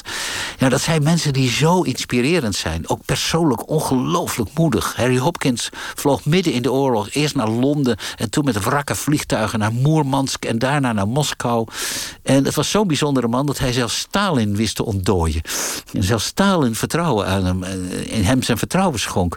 Eh, terwijl die zelf, die Hopkins was zo ziek als een hond. Eh, ja, dat, dat zijn zulke ontzettende inspirerende figuren. En ik denk dat, dat eh, ik zou bijna iedereen die een beetje wanhoopt in deze tijden, lees eens wat van dit soort biografieën. Daar word je op een bepaalde manier ook weer vrolijk van. Dan denk je, er zijn wel degelijk, kunnen er politieke leiders opstaan, waar we op dit moment misschien wel hele grote behoefte aan hebben, die inderdaad visie hebben, die hebben lef, die ook ja, zich durven op te offeren. En dat kan heel inspirerend zijn. Leiders kunnen ook heel belangrijk zijn. De geschiedenis is niet alleen maar naar en bloedvergieten. Het is ook inspirerend. Het is ook hoopgevend. Absoluut. Het ja. toont ook veerkracht en schoonheid. En troost. Je zei, als ik nog tijd van leven heb, dan heb je alweer een nieuw... Nou, dat klinkt als een omvangrijk project. Dat heb je alweer klaar. Dat, dat is gewoon hoe jouw dagen vanaf nu gaan, wat jou betreft. Gewoon, gewoon werken, schrijven, die Ja, maar ook wel eh, gezellig met eh, familie, vrienden, met mijn vrouw, weet ik wat. eh, Oh, ze nu dat ja zeggen. Ik ga niet. Dat werken bij de Groenen, dat, nee, dat buffelen, dat, dat doe ik niet meer. Maar eh, ik vind het ontzettend leuk om te schrijven. Ik vind het fijn om te schrijven. Het is gewoon de vreugde van mijn leven naast een aantal andere dingen. Dus ik zal het wel blijven doen. Alleen, ik bedoel, ik ben nu 71, dan moet je gewoon wel, ga je wel bedenken. En ik denk dat iedereen eh, die een beetje nadenkt en die zo oud is als ik, die denkt, nou, wat wil ik nog doen hè, deze jaren? Eh, en daarom zeg ik tegenwoordig, als, ja, ik wil nog wel een paar dingen doen als ik de kans krijg. En ik zou ook heel blij en dankbaar zijn als ik die kans krijg. Nou, we hebben de kerst alvast weer gehaald. Precies. Dankjewel, Geert. Het was, eh, het was me genoeg met je praten. Dank. Met veel plezier. Zometeen gaan we verder. Alma Matthijssen die heeft een eh, verhaal geschreven over het jaar 2017. Twitter, het VPRO.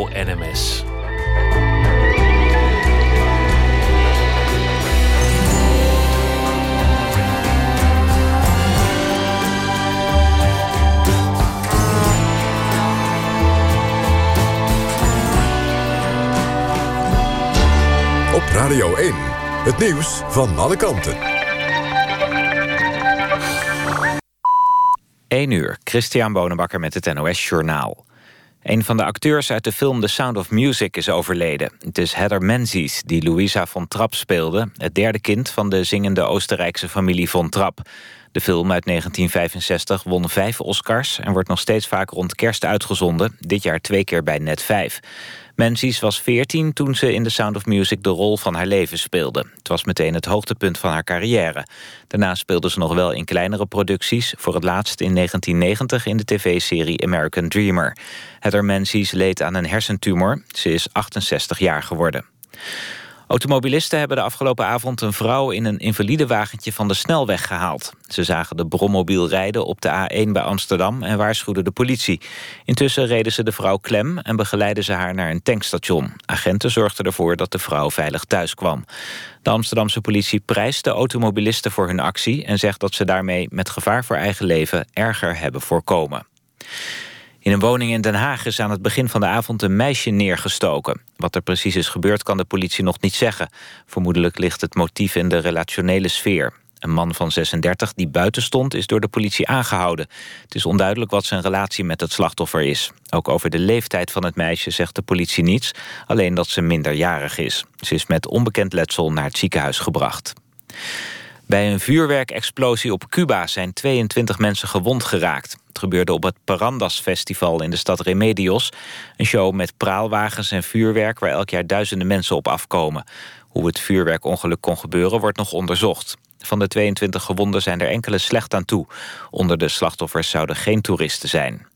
Het weer, vannacht enige tijd regen. In de ochtend nog een enkele bui. Later breekt de zon door. Het wordt ongeveer 7 graden. En vooral aan zee kan het hard waaien. In de loop van de dag neemt de wind af. Woensdag is het regenachtig en 5 of 6 graden. Dit was het NOS Journaal. NPO Radio 1. VPRO. Nooit meer slapen.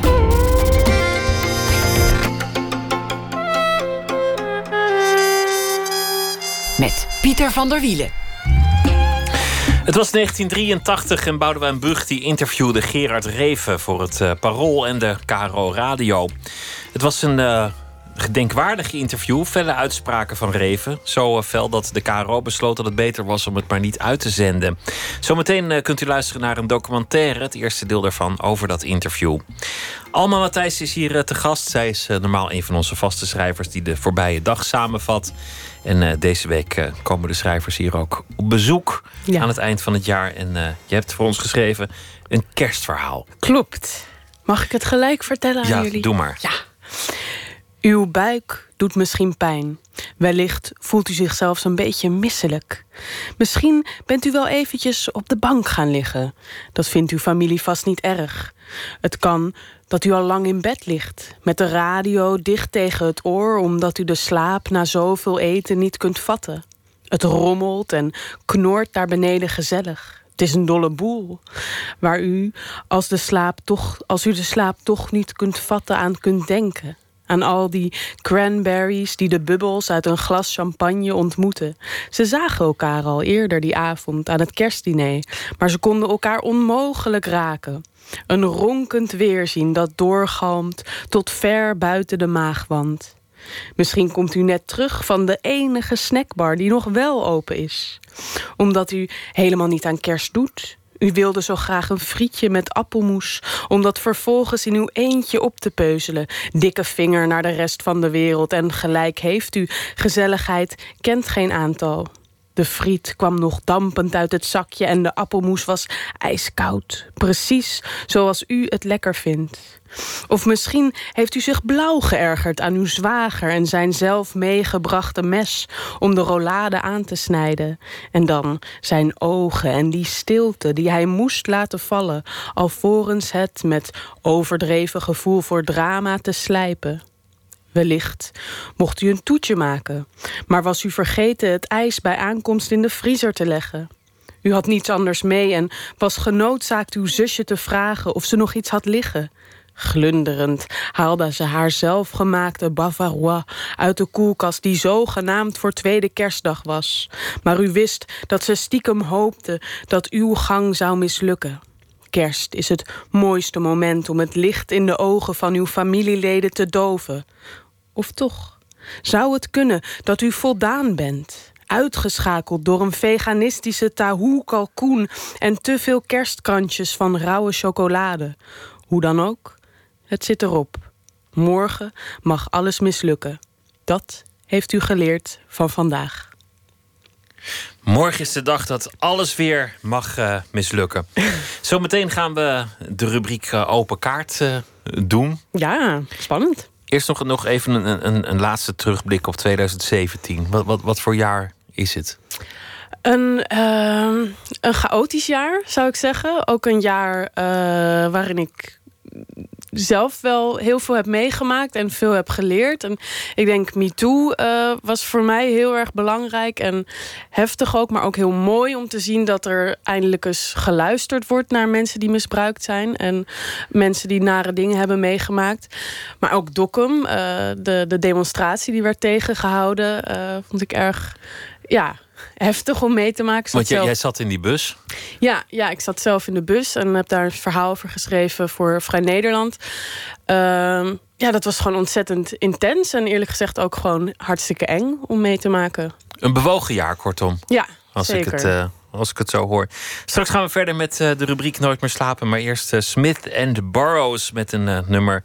Ook alweer zo kerstig. As the Snowflakes Fall.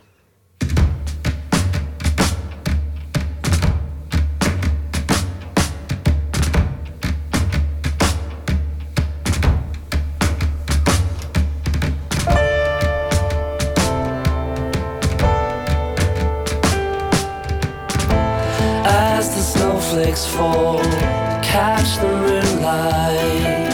The still not sleeping, my heavy heart beating.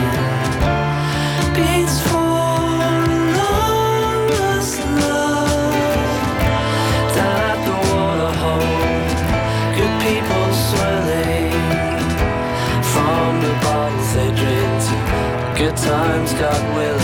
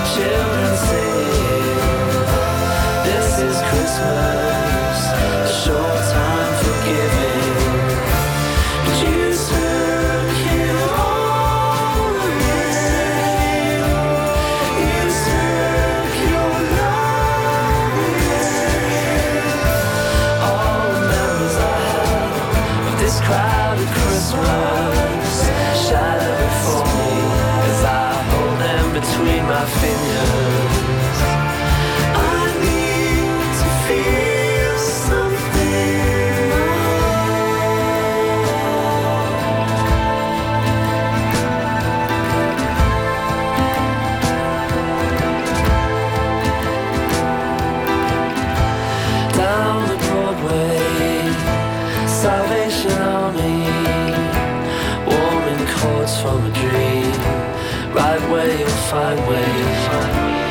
Just like.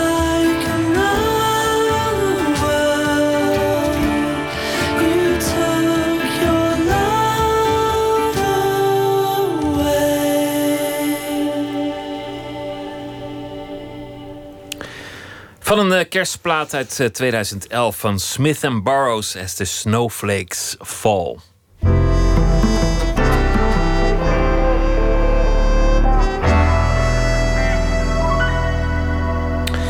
Alma Matthijssen zit tegenover me. 2017 was een eh, bewogen jaar, zei je net. Het was ook het jaar van de derde roman, Vergeet de Meisjes. Goed ontvangen, mooi gerecenseerd. En uh, genomineerd ook voor de BNG Literatuurprijs. Ja. Onder meer en ook uh, actief uh, als activiste. Um, met de MeToo-beweging. En je noemde al de, de bus die op de A7 richting Dokkum werd klemgereden. Waar je een stuk over schreef voor Vrij Nederland. De rubriek heet Open Kaart. Je kent Ja. het concept. Je hebt het al eerder gedaan. Toen had je allemaal zwaarmoedige vragen. het, ja, het is de willekeur die regeert. Ja, we gaan kijken wat het uh, vannacht oplevert. Eén uh, vraag per kaart. Uh, laten we meteen beginnen. Oké. Okay. Waarin lijk je op je ouders? Oh, poeh. Uh, in mijn, ja, mijn moeder is natuurlijk ook schrijver, maar ze is wetenschappelijk schrijver.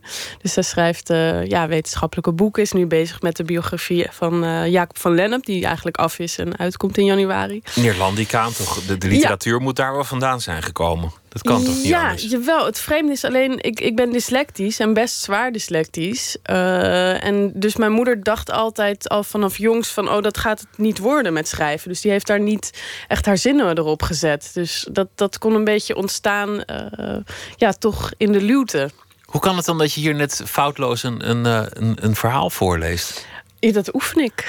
Dan, dan heb je het helemaal gememoriseerd. Nee, niet helemaal gememoriseerd. Maar ik moet toch echt wel. Uh, ik ben niet dat ik gewoon zomaar. Soms vragen interviews wel. Wil je even een stukje voorlezen uit je boek? En daar ben ik altijd een beetje huiverig voor. Want dan weet ik. De kans dat ik over woorden ga struikelen is groot. Dus ik bereid alles ja, toch een beetje voor. Want die, die, die letters die dansen. Dan, dan is het eigenlijk ook alweer weer wonderlijk dat je schrijver bent geworden als, als, als letters moeilijk zijn. Ja, ja, ik denk ook dat je op een hele andere manier naar taal kijkt. Dus het echt ziet voor wat het is. Ik, ik maak geen. Ja, als ik een woord zie, dan zie ik alle letters. En niet zoals sommige mensen. Uh, die kunnen bijvoorbeeld woorden lezen zonder dat de klinkers erin staan. Dat gaat gewoon bij mij niet. Dan zie ik het niet. Uh, dus je bent op een andere manier met taal bezig. En ik lees veel langzamer. Dus alles wat ik lees, dat neem ik misschien nog wat beter op. Ja, ik weet het niet. Of misschien ben je wel juist schrijver geworden omdat je altijd heel veel aandacht moest geven aan taal, omdat het moeilijk was. Zo heb ik er nog nooit naar gekeken, maar dat zou inderdaad kunnen. Dat, ja. je, dat, je, dat je aanvankelijke handicap uiteindelijk je kracht is geworden. Ja, maar ik denk om, om terug te komen op de vraag: het, het, het doorzettingsvermogen wat mijn moeder heeft, dat denk ik dat ik toch ook wel heb. En uh, ja, gewoon nooit, nooit opgeven. Dus uh, ja. Dat, dat zie ik heel erg bij mijn moeder. En bij mijn vader, ja, god, die was uh, violist. En uh, een, wel een hele moeilijke man. Iemand die absoluut niet tegen uh, ja, opgeklopte uh, patjepeersachtige dingen kon. En, dus, en ontzettend eerlijk was naar zichzelf. En dat heb ik zelf volgens mij ook wel. En het activisme, waar, waar, waar is dat terug te vinden in de vorige generaties? Ehm, nou ja, weer die eerlijkheid. In elk geval het, het. Ja, ik kan zo slecht tegen onrecht. Als ik dan eenmaal zie dat iets verkeerd is, dan kan je het niet meer onzien. Dus uh, ja, ja en, en bij bijvoorbeeld bij MeToo was. Ja, dat komt natuurlijk ook omdat ik zelf dingen heb meegemaakt daarin. En dan, ja, dan voel je zo sterk wat er mis is en ook wat er moet veranderen. En Want dan, je, je hebt er uh, wel eens een stuk over geschreven in NRC Handelsblad een paar jaar Ja. terug. Over een, uh, een ervaring met een jongen die, ja, die gewoon zijn zin doordreef zonder erop te letten Ja. wat, wat de andere partij daarvan vond. Ja. Eigenlijk een MeToo-ervaring zou je dat nu kunnen noemen. Ja, ik zou dat eerlijk gezegd ook gewoon echt bestempelen als een verkrachting hoor. Dat, ik, ik zei duidelijk nee. En als iemand dan doorgaat, ja dan, ja, dan is dat wat het is. Ja, dat is het ook. Ik bedoel, Ja. seks zonder toestemming is verkrachting. Ja, ja maar dat is eh, toch omdat we in een wereld leven eh, als deze. Ik heb me in elk geval heel lang afgevraagd. eh, ik denk wel tien jaar nadat het gebeurd was. Of het toch niet aan mij heeft gelegen. En dat komt natuurlijk door het, het klimaat waar we in leven. En eh, ja, waarin dat soort verhalen eh, niet genoeg aandacht krijgen. Dus we kennen allemaal de verhalen over de mannen die je in de bosjes trekken, waar je voor moet oppassen. Daar ben ik ook voor gewaarschuwd. Maar niet de verhalen eh, over mannen of vrouwen die, die hun zin doordrijven en gewoon zeggen: ja, maar doe nou even, heel even, is toch niet erg. Want je bent, bent een stukje meegegaan, dus dan, dan, dan moet je ook tot het einde van de rit. Ja, Je vroeg je, in, je vroeg je in dat stuk af, zou hij dit eigenlijk ooit geweten hebben? Ja, nou ja, en dat denk ik dus oprecht denk ik dat hij dat niet geweten heeft. Uh, dus in die zin neem ik hem uh, het ook niet in zijn geheel kwalijk. Omdat ik denk het ligt aan de, de wereld waar wij in leven. En dat er nu dus zoiets gebeurt als MeToo... Uh, waarin die normaliteit gestopt wordt... dat is denk ik ontzettend goed. Wat veel van die verhalen gemeen hadden... was, was de schaamte bij het slachtoffer. Wat, wat een wonderlijke omkering is. Je, je zou verwachten de schaamte ligt bij de dader. Ja, maar als maar de, de schaamte ligt toch vaak bij het slachtoffer. Ja, en dat is het erge. Eigenlijk zou natuurlijk de dader zich moeten schamen. Maar als de dader zich niet bewust is van wat hij heeft fout gedaan, dan is dat heel moeilijk om je te schamen. Dus ja, dan uh, als, als slachtoffer voel ja, je voelt een ontzettende pijn. En je kan die niet thuisbrengen, omdat je het verhaal niet begrijpt. Dus ik, ik, ja, ik voelde mij afschuwelijk. Maar omdat ik niet begreep waar het vandaan komt, het strookte niet met de verhalen die ik kende, kon ik niet plaatsen. En dat duurde ontzettend lang voordat ik dat pas begreep. En als je dat dan eenmaal begrijpt, ja, en je bent schrijver, dan kan je eigenlijk niet anders dan, er, dan erover gaan schrijven. Laten we nog een, uh, een vraag Ja. trekken. Waar lopen je relaties op stuk? Oeh. eh, nou, ik zit in een hele liefdevolle relatie die nu ook aan de andere kant van het glas hier staat. En die voorlopig toch niet stuk uh, nee, zal lopen. nee.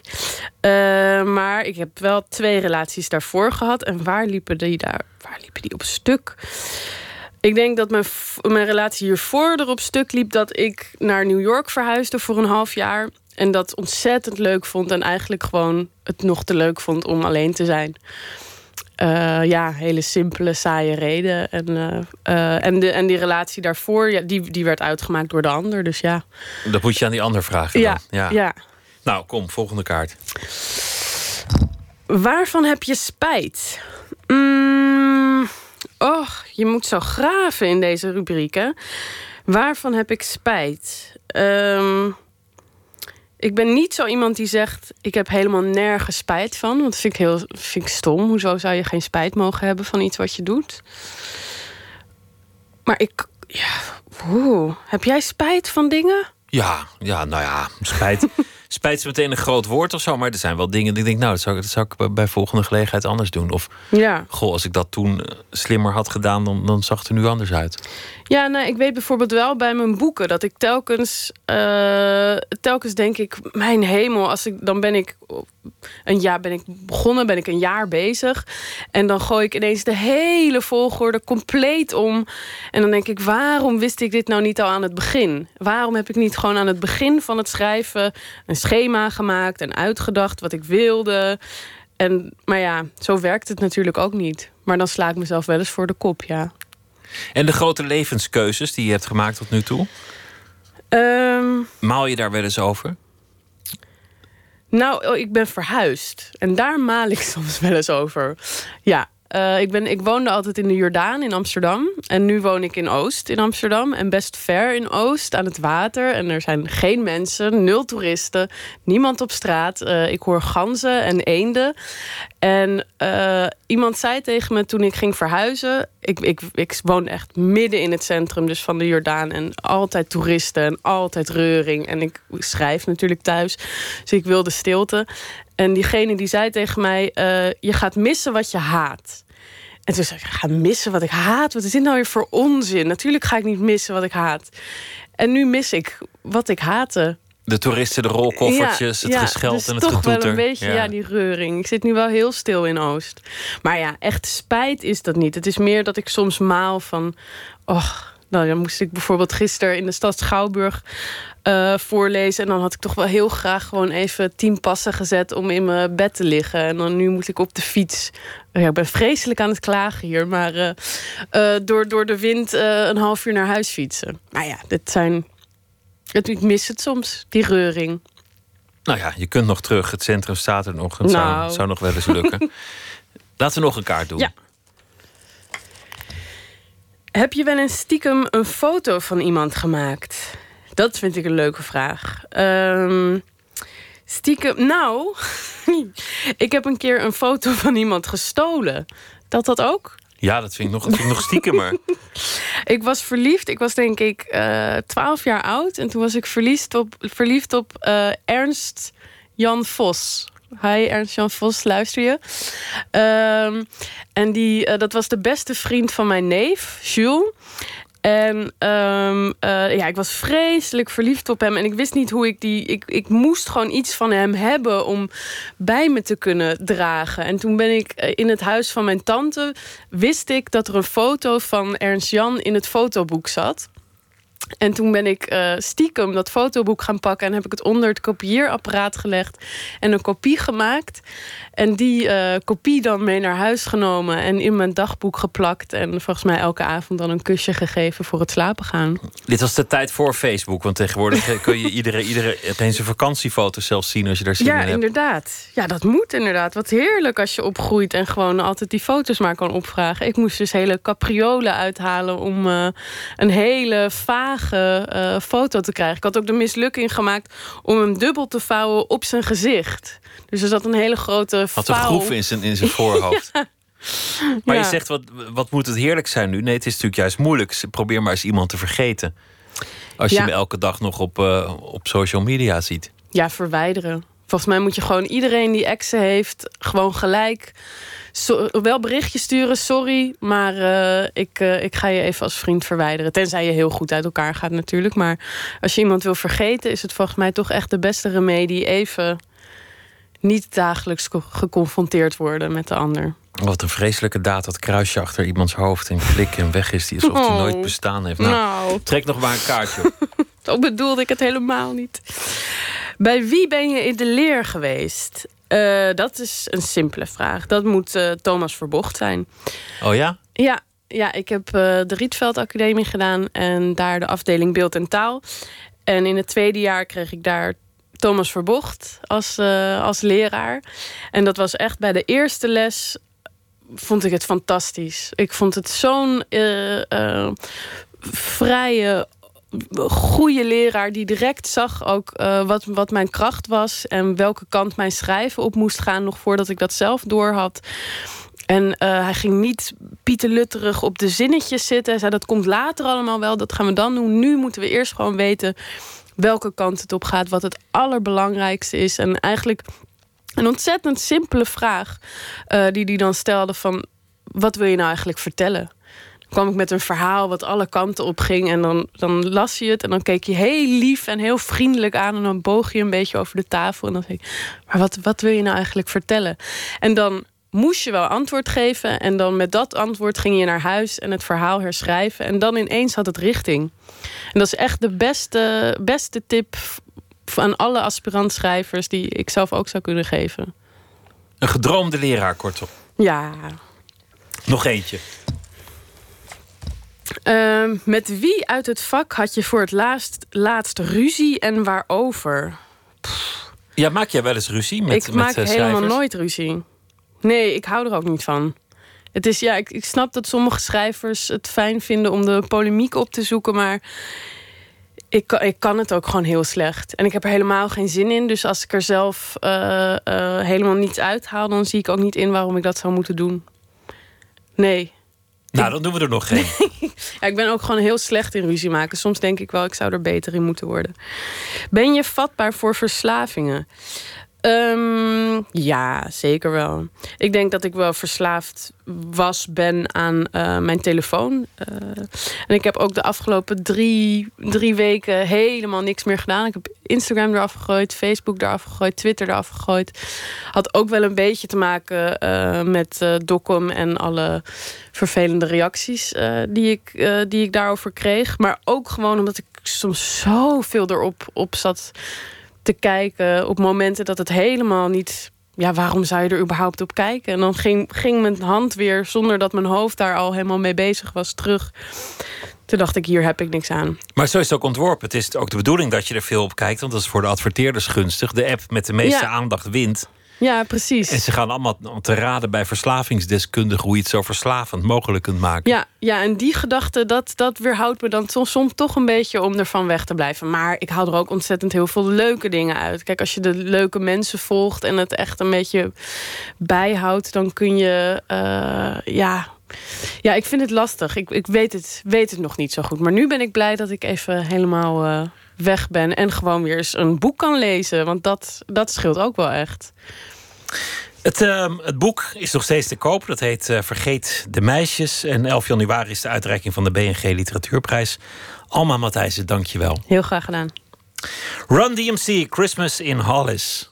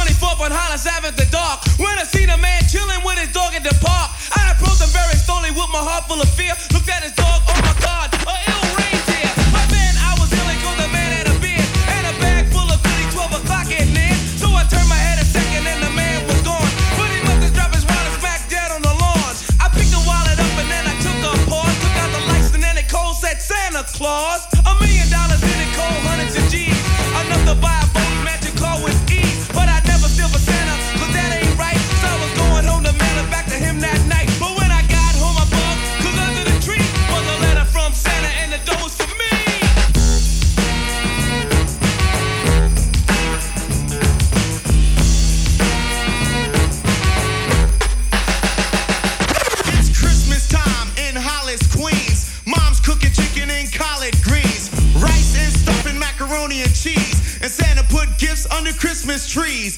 Decorate the house with lights at night. Snow's on the ground, snow white so bright. In the fireplace is the Yule log. Beneath the mistletoe as we drink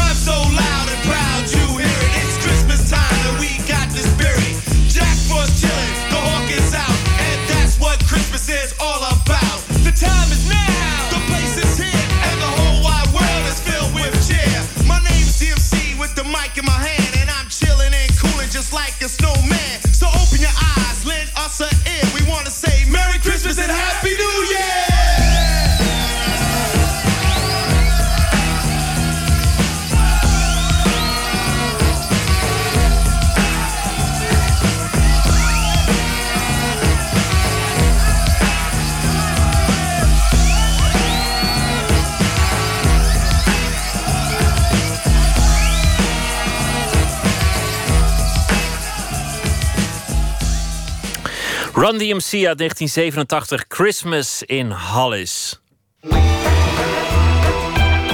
Nooit meer slapen. De documentaire Schrijft u dat maar gerust in uw krant van Tom Roduin over het eh, interview dat Boudewijn Bug hield in 1983 met Gerard Reven. Voor 3000 euro zou de schrijver praten over politieke en maatschappelijke zaken voor het parool en voor de wat levensbeschouwelijker zaken voor de KRO-radio. Door Revens radicale uitspraken over links, over collega-schrijvers en over Zuid-Afrika in het parool, zag de KRO af van de uitzending. Revens zei achteraf dat zijn uitspraken totaal uit verband waren gerukt.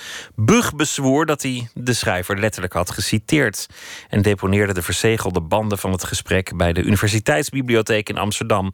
Ter laagst in de kluis en eh, Tom Roodduin die kreeg uiteindelijk van de KRO en van de erven toestemming eruit te citeren uit de opnames van dit inmiddels legendarische interview. Het eerste deel van de documentaire over het interview van Tom Roodduin schrijft u dat maar gerust in uw krant.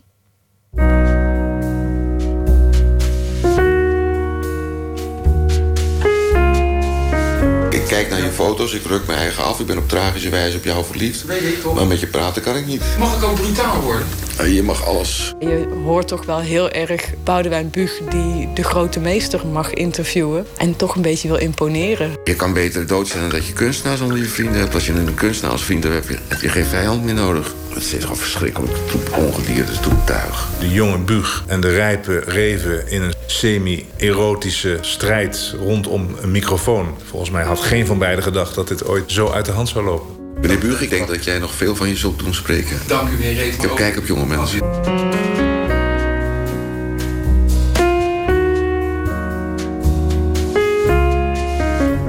Op 5 januari 1983 reisde Boudewijn Buug voor Het Parool en de KRO af naar Schiedam... voor een interview met de door hem zeer bewonderde schrijver Gerard Reven. Die verheugde zich op de ontmoeting... nadat hij Buug een aantal liefdesbrieven had gestuurd. Het interview, in aanwezigheid van Revens vriend Joop Schafthuizen... fotograaf Klaas Koppen en Buugs bevriende collega Mark Blaise... nam een dag in beslag...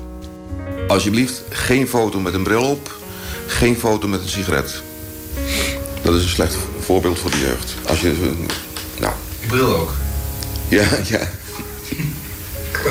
Toch, godverdomme. Ik word dit jaar 60 jaar. Ja, je zegt al En een je kop, kop met haar, daar kunnen de jongeren een voorbeeld aan nemen. Omdat ik Rooms-Katholiek ben geworden. Je was jaren bijlaten. Maar zou je niet een petje nemen als je, als je kaal was? Nee, nee, nee, Wat zou je dan doen? Kan me niet zoveel schelen. Je bent toch ook goed, je bent toch proper op je lichaam, dat zeg je vaak genoeg. Ja, ik ben zinnelijk op lichaam en kleding. En ik eh, geef me ook niet over aan kansspelen of anderszins liederlijk gedrag. Nee. Wat speelde zich tijdens en na dit interview nu precies af? En wat zei Reven precies? Allereerst Eva Rovers, biografe van Boudewijn Buug. Wat denk ik ook meespeelde is dat Buug in de aanloop naar eh, het interview toch al behoorlijk met Reef had zitten flirten en een beetje in zijn brieven veel verwijzingen naar, hun, eh, of naar zijn vermeende pedofilie. Op een gegeven moment heeft Reven ook eh, bij hem voor de deur gestaan en toen wist Boudewijn ook niet hoe snel hij hem weer de deur uit moest werken, omdat hij toen alleen was en ik denk dat hij heel erg bang was voor avances. Dus toen hij Reven ging interviewen in Schiedam, zal hij waarschijnlijk gedacht hebben van ik moet gewoon versterking meenemen. Ik denk dat hij gewoon echt bang was dat hij eh, ja, verleid zou worden of wat dan ook. En dat, eh, dus hij had Klaas Koppen bij zich, fotograaf, die eh, de dag vastlegde. En Mark Blaise ehm, ja, als, als tweede journalist, als tweede interviewer. Journalist Mark Blaise. Koud en somber. Een hele sombere straat. Eigenlijk een heel somber appartement. Waar we zaten in een kringetje vanaf een uur of tien. En Joop Schafthuizen zorgde voor drankjes. En het opvallende was dat eh, Reven niet meer dronk. Dus die kreeg thee uit een witte theepot. En wij kregen koffie. En eh, Boudewijn eh, helemaal zenuwachtig, want de grote Reven. En Reven helemaal opgewonden, want de lieve Boudewijn. Nou, het was allemaal best, best vrolijk allemaal. Maar Reven begon langzamerhand wat te, te lodderen en te ladderen. En toen dacht ik, laat ik ze die theepot ruiken. En inderdaad, dat was helemaal geen thee, maar dat was jenever. Reven die deed natuurlijk niet anders dan eh, om de havenklap, zoals hij het zelf zei, zijn hoofd uit het raam steken en weer eens wat geks roepen en het hele land in uh, rep en roer uh, achterlaten. En Bug heeft, dat, heeft die truc afgekeken, maar ja, zoals een klassiek tovenaarsleerling had zelf nog niet de truc helemaal in de vingers en heeft zich in die zin heel erg tegen hem gekeerd. Hij vond het heel erg dat het uiteindelijk zijn vriendschap met Reven heeft gekost. Je moet ook naar Smans ogen kijken. Dus het was ook een beetje pro provoceren. Kijken wat Boudewijn zou zeggen als hij dat zou zeggen. En Boudewijn wond zich dan met dat hoge stemmetje dan enorm op. En dan riep hij, ja, maar uh, Gerard, dat kan je toch gewoon niet zeggen? Ja, ik, dat kan ik wel zeggen. Uh, ik ga nog, nog sterker nog, ik ga nog meer zeggen. Dat was olie op het vuur. Ja, dat vond hij prachtig. Het was eigenlijk helemaal geen interview. Het was hoe kan ik Boudewijn beïndrukken?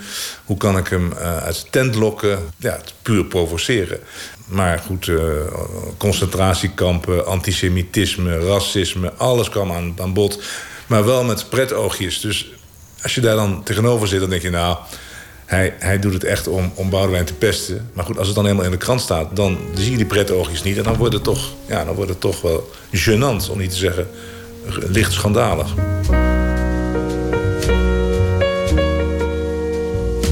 Het interview verscheen tien dagen later in druk. De passages waarin Reven zijn rabiate kijk op maatschappelijke en politieke thema's ontvouwde, wekte verontwaardiging.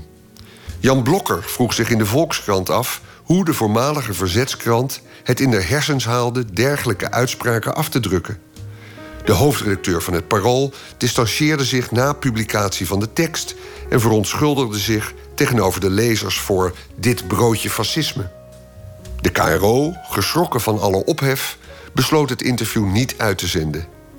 Wat Reven zei, wordt nu, 34 jaar na dato, alsnog geopenbaard.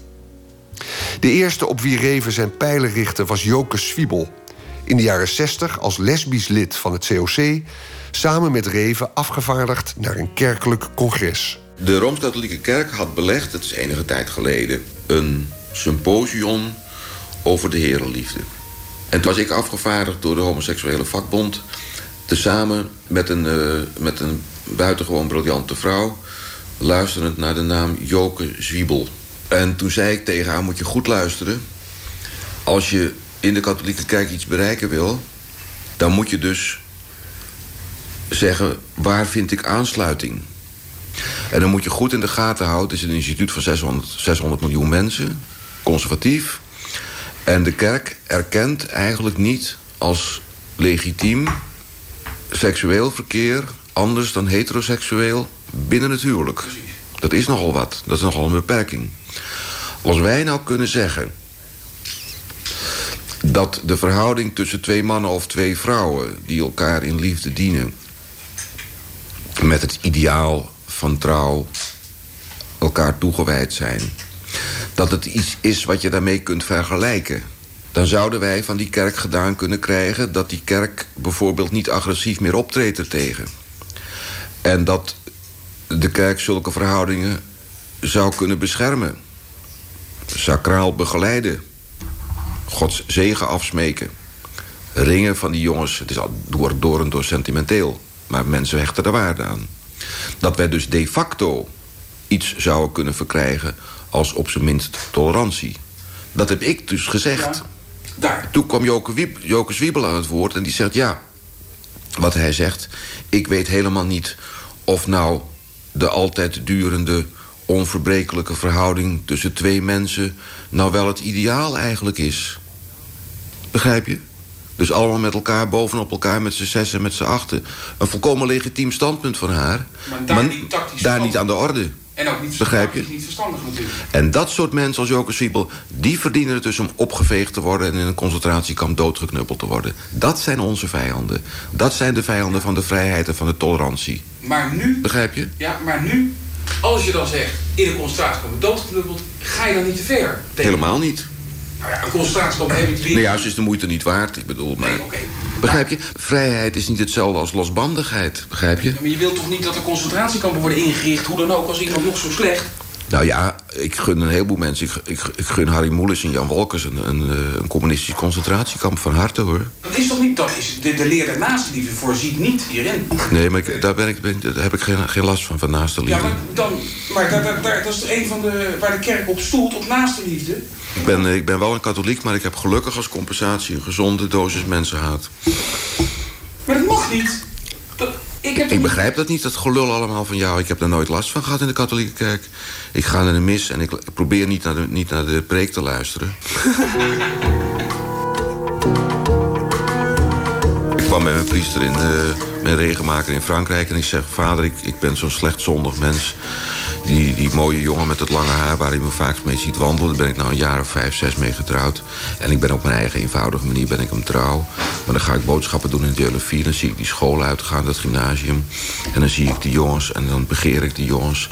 En dan word ik een beetje wanhopig en dan kom ik thuis... en dan verberg ik me in een hoek van, de, van het huis. En dan doe ik de liefde, l'amour à la main... en rêvant terwijl ik van hun droom. En hij zegt, ja, is dat alles mijn zoon? Ik zeg, ja. Hij zegt, maar dat is toch heel menselijk en heel normaal. Wij moeten ons toch onszelf aanvaarden in onze zwakheid. Maar het komt, zegt hij, kijk, u en ik hebben geen vrouw. En we zouden eigenlijk wel een vrouw moeten hebben natuurlijk.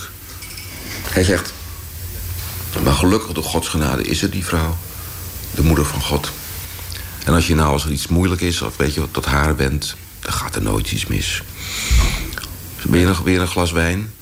Hij zegt, ik heb een neef, die woont bij Nyon. Ik denk, oh ja, een neef, die heeft een wijngaard, ja, ja. Weet je literflessen van 1 franc 60, weet je wel, niet, niet te drinken. maar toen dronken we wat wijn. Ja, eerst gaf hij me de absolutie. Lieve man, hoor. Lieve man. Er volgden meer persoonlijke typeringen. Bijvoorbeeld van Revens bevriende uitgever Johan Polak. Ik zei tegen Johan Polak, die zei, klaagde tegen mij, die zegt... Ja, verschrikkelijk. Rijk en lelijk en masochist en homoseksueel en jood. Ik zeg, Johan, dat had nog veel erger gekund. Wat dan? Ik zeg, je had ook wel half jood kunnen zijn. Ja, ja, ja, ja, ja. Of van zijn vriend, correspondent en kunstbroeder Simon Carmichelt. Carmichelt is een man die iedereen te vriend wil houden. En die populair wil zijn, tot elke prijs. Als het dus het gepeupel meer voor het zeggen krijgt... dan kiest hij de zijde van het gepeupel. Ja. Dat is nou eenmaal zo, dat kan die man niet helpen. Verder is het een lieve man. Maar hij heeft me nog nooit een brief geschreven waar iets in stond. En van collega-schrijver Simon Vinkenoog... met wie hij eens op de vuist was gegaan. Het is een psychopaat, het is een debiel. Maar ja, hij heeft veel kwaad gesticht. Eh, een paar duizend heroïnedoden, dat is zijn schuld. Hij heeft het in Amsterdam geïmporteerd en gepropageerd, ja. Maar aan zijn werk heb ik nooit iets aangevonden.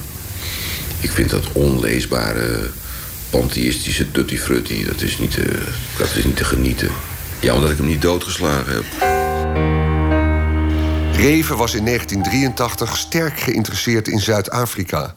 Het land dat hij zou bezoeken en waarvan hij de apartheidspolitiek verdedigde. Niemand van de hele redactie van het Parool of de Volkskrant... of een van die bladen weet iets van Zuid-Afrika af. De legende is dat daar blanke overheersers kwamen... om bruine en zwarte mensen te onderdrukken. Maar de blanken die daar kwamen... vonden een leeg land. Een totaal leeg land. In 1652. Er woonde helemaal niemand. Er waren een paar nomadenstammen. Het was alles. Het duurde honderd jaar voordat de blanken op duizend kilometer van Kaapstad voor het eerst zwarte ontmoeten. Goed, die zwarte zitten er nu. Die hebben voor ze gewerkt. Die hebben ze misschien binnengehouden voor ze te werken. Nu zijn het omdat wel meer zwarte dan blanken. Die moeten dan toch mee kunnen stemmen over dat hele grote land. Ja, als je die laat meestemmen heb je meteen de laatste verkiezingen. Men weet niets. Men heeft dus de voorstelling van... er kwamen blanke kolonisatoren... en die gingen een zwart en bruin volk onderdrukken. Maar dat, dat zwarte bruine volk was er helemaal niet.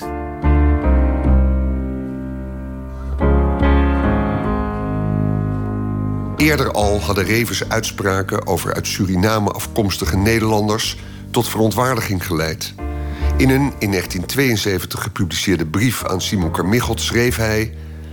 Nu moeten we nog van die Surinaamse en Curaçaose en Antilliaanse troep af. Ik ben er erg voor dat die prachtvolken zo gauw mogelijk geheel onafhankelijk worden... en ons niks meer kosten, zodat we ze allemaal met een zak vol spiegeltjes en kralen... op de Tjoekie stoomboot kunnen zitten. Enkele reis takkie-takkie oerwoud, meneer.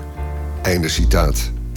En in 1975 declameerde Reven op een poëziemanifestatie in Kortrijk zijn gedicht Voor eigen erf, waarvan de laatste regels luiden: Gooi al dat zwarte tuig eruit, ons land voor ons, op naar de blanke macht. Maar een racist was hij niet, hield Reven vol, wat alle boze brievenschrijvers ook mochten beweren.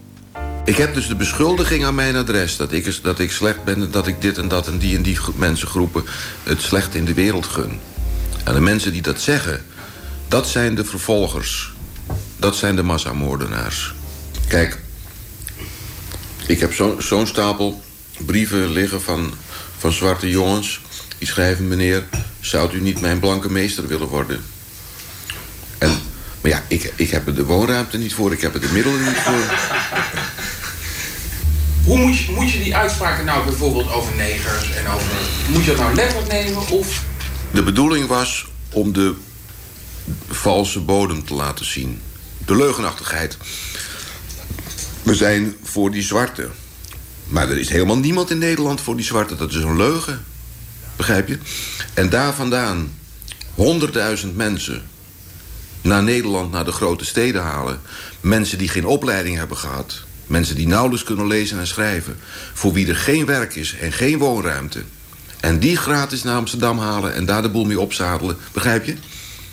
De Ruil heeft toch in zijn villa van 20 kamers... toch geen kamer aan een negen verhuurd? En Mies Bouwman toch ook niet? Die een, een petitie met een hele groep mensen tegen mij en tegen mijn racisme. Nou ja, Ja. allebei hetzelfde. maar ik bedoel, zoiets, dat is toch een leugen? Het is toch gewoon een leugen?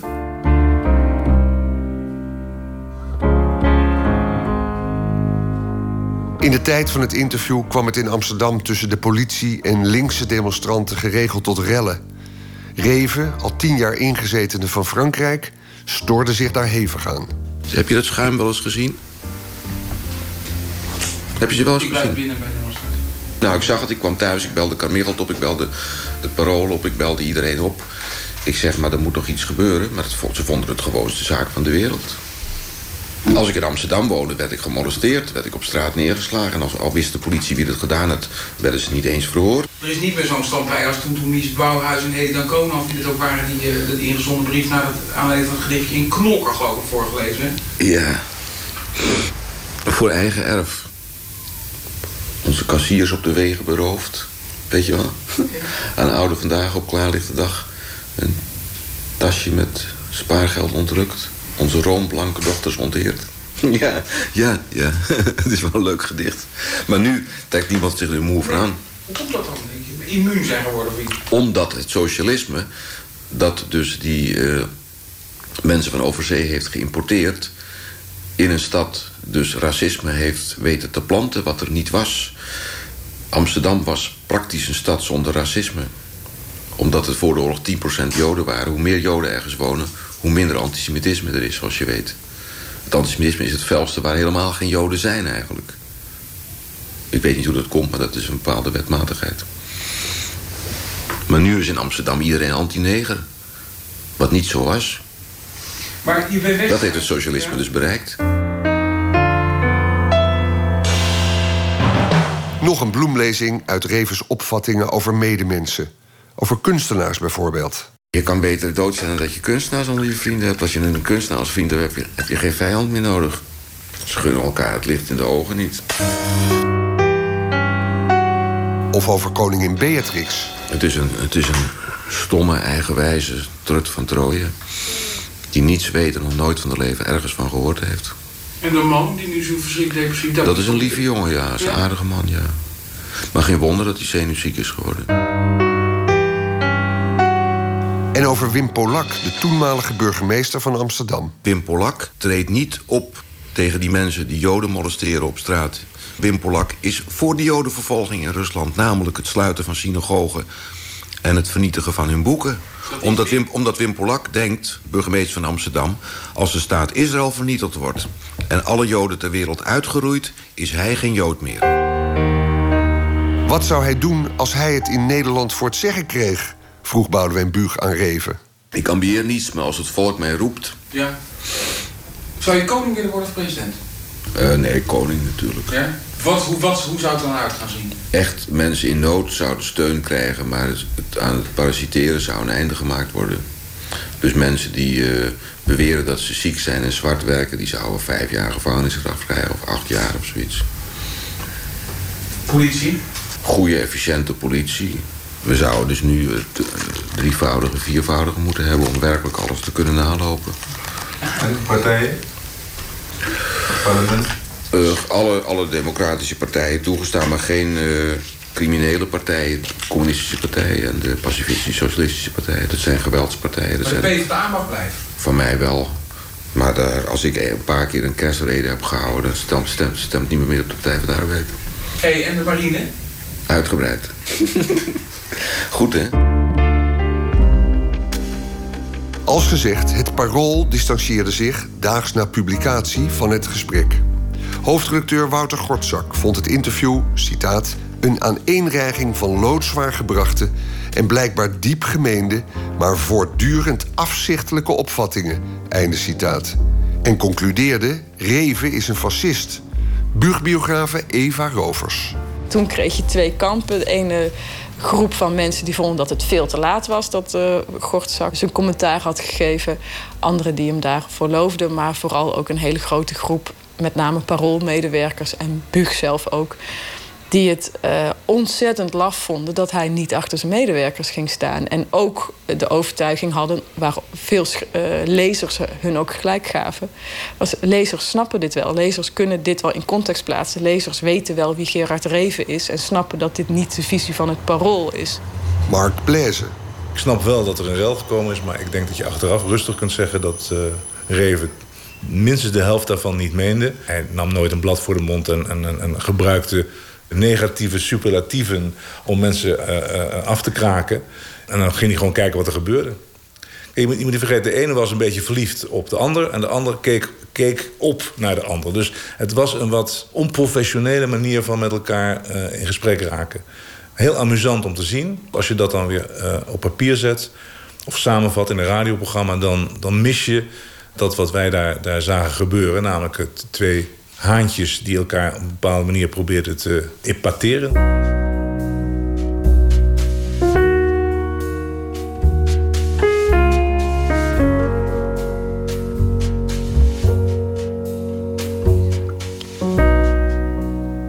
Het eerste deel van een documentaire van Tom Roodduin... met eh, dank aan Radio. Erven Bug, de KRO... en uh, de Universiteitsbibliotheek van Amsterdam. Morgen het uh, tweede deel en hier is de kersthit van Elvis Presley... Merry Christmas Baby.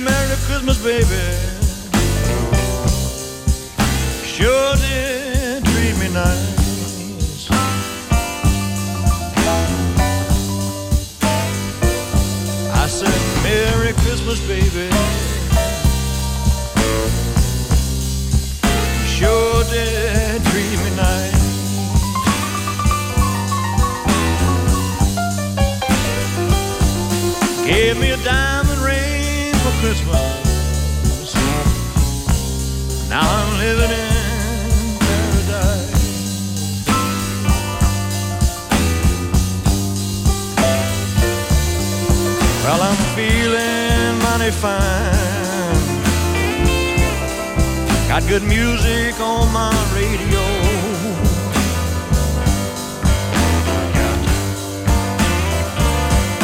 Well, I'm feeling mighty fine. Got good music on my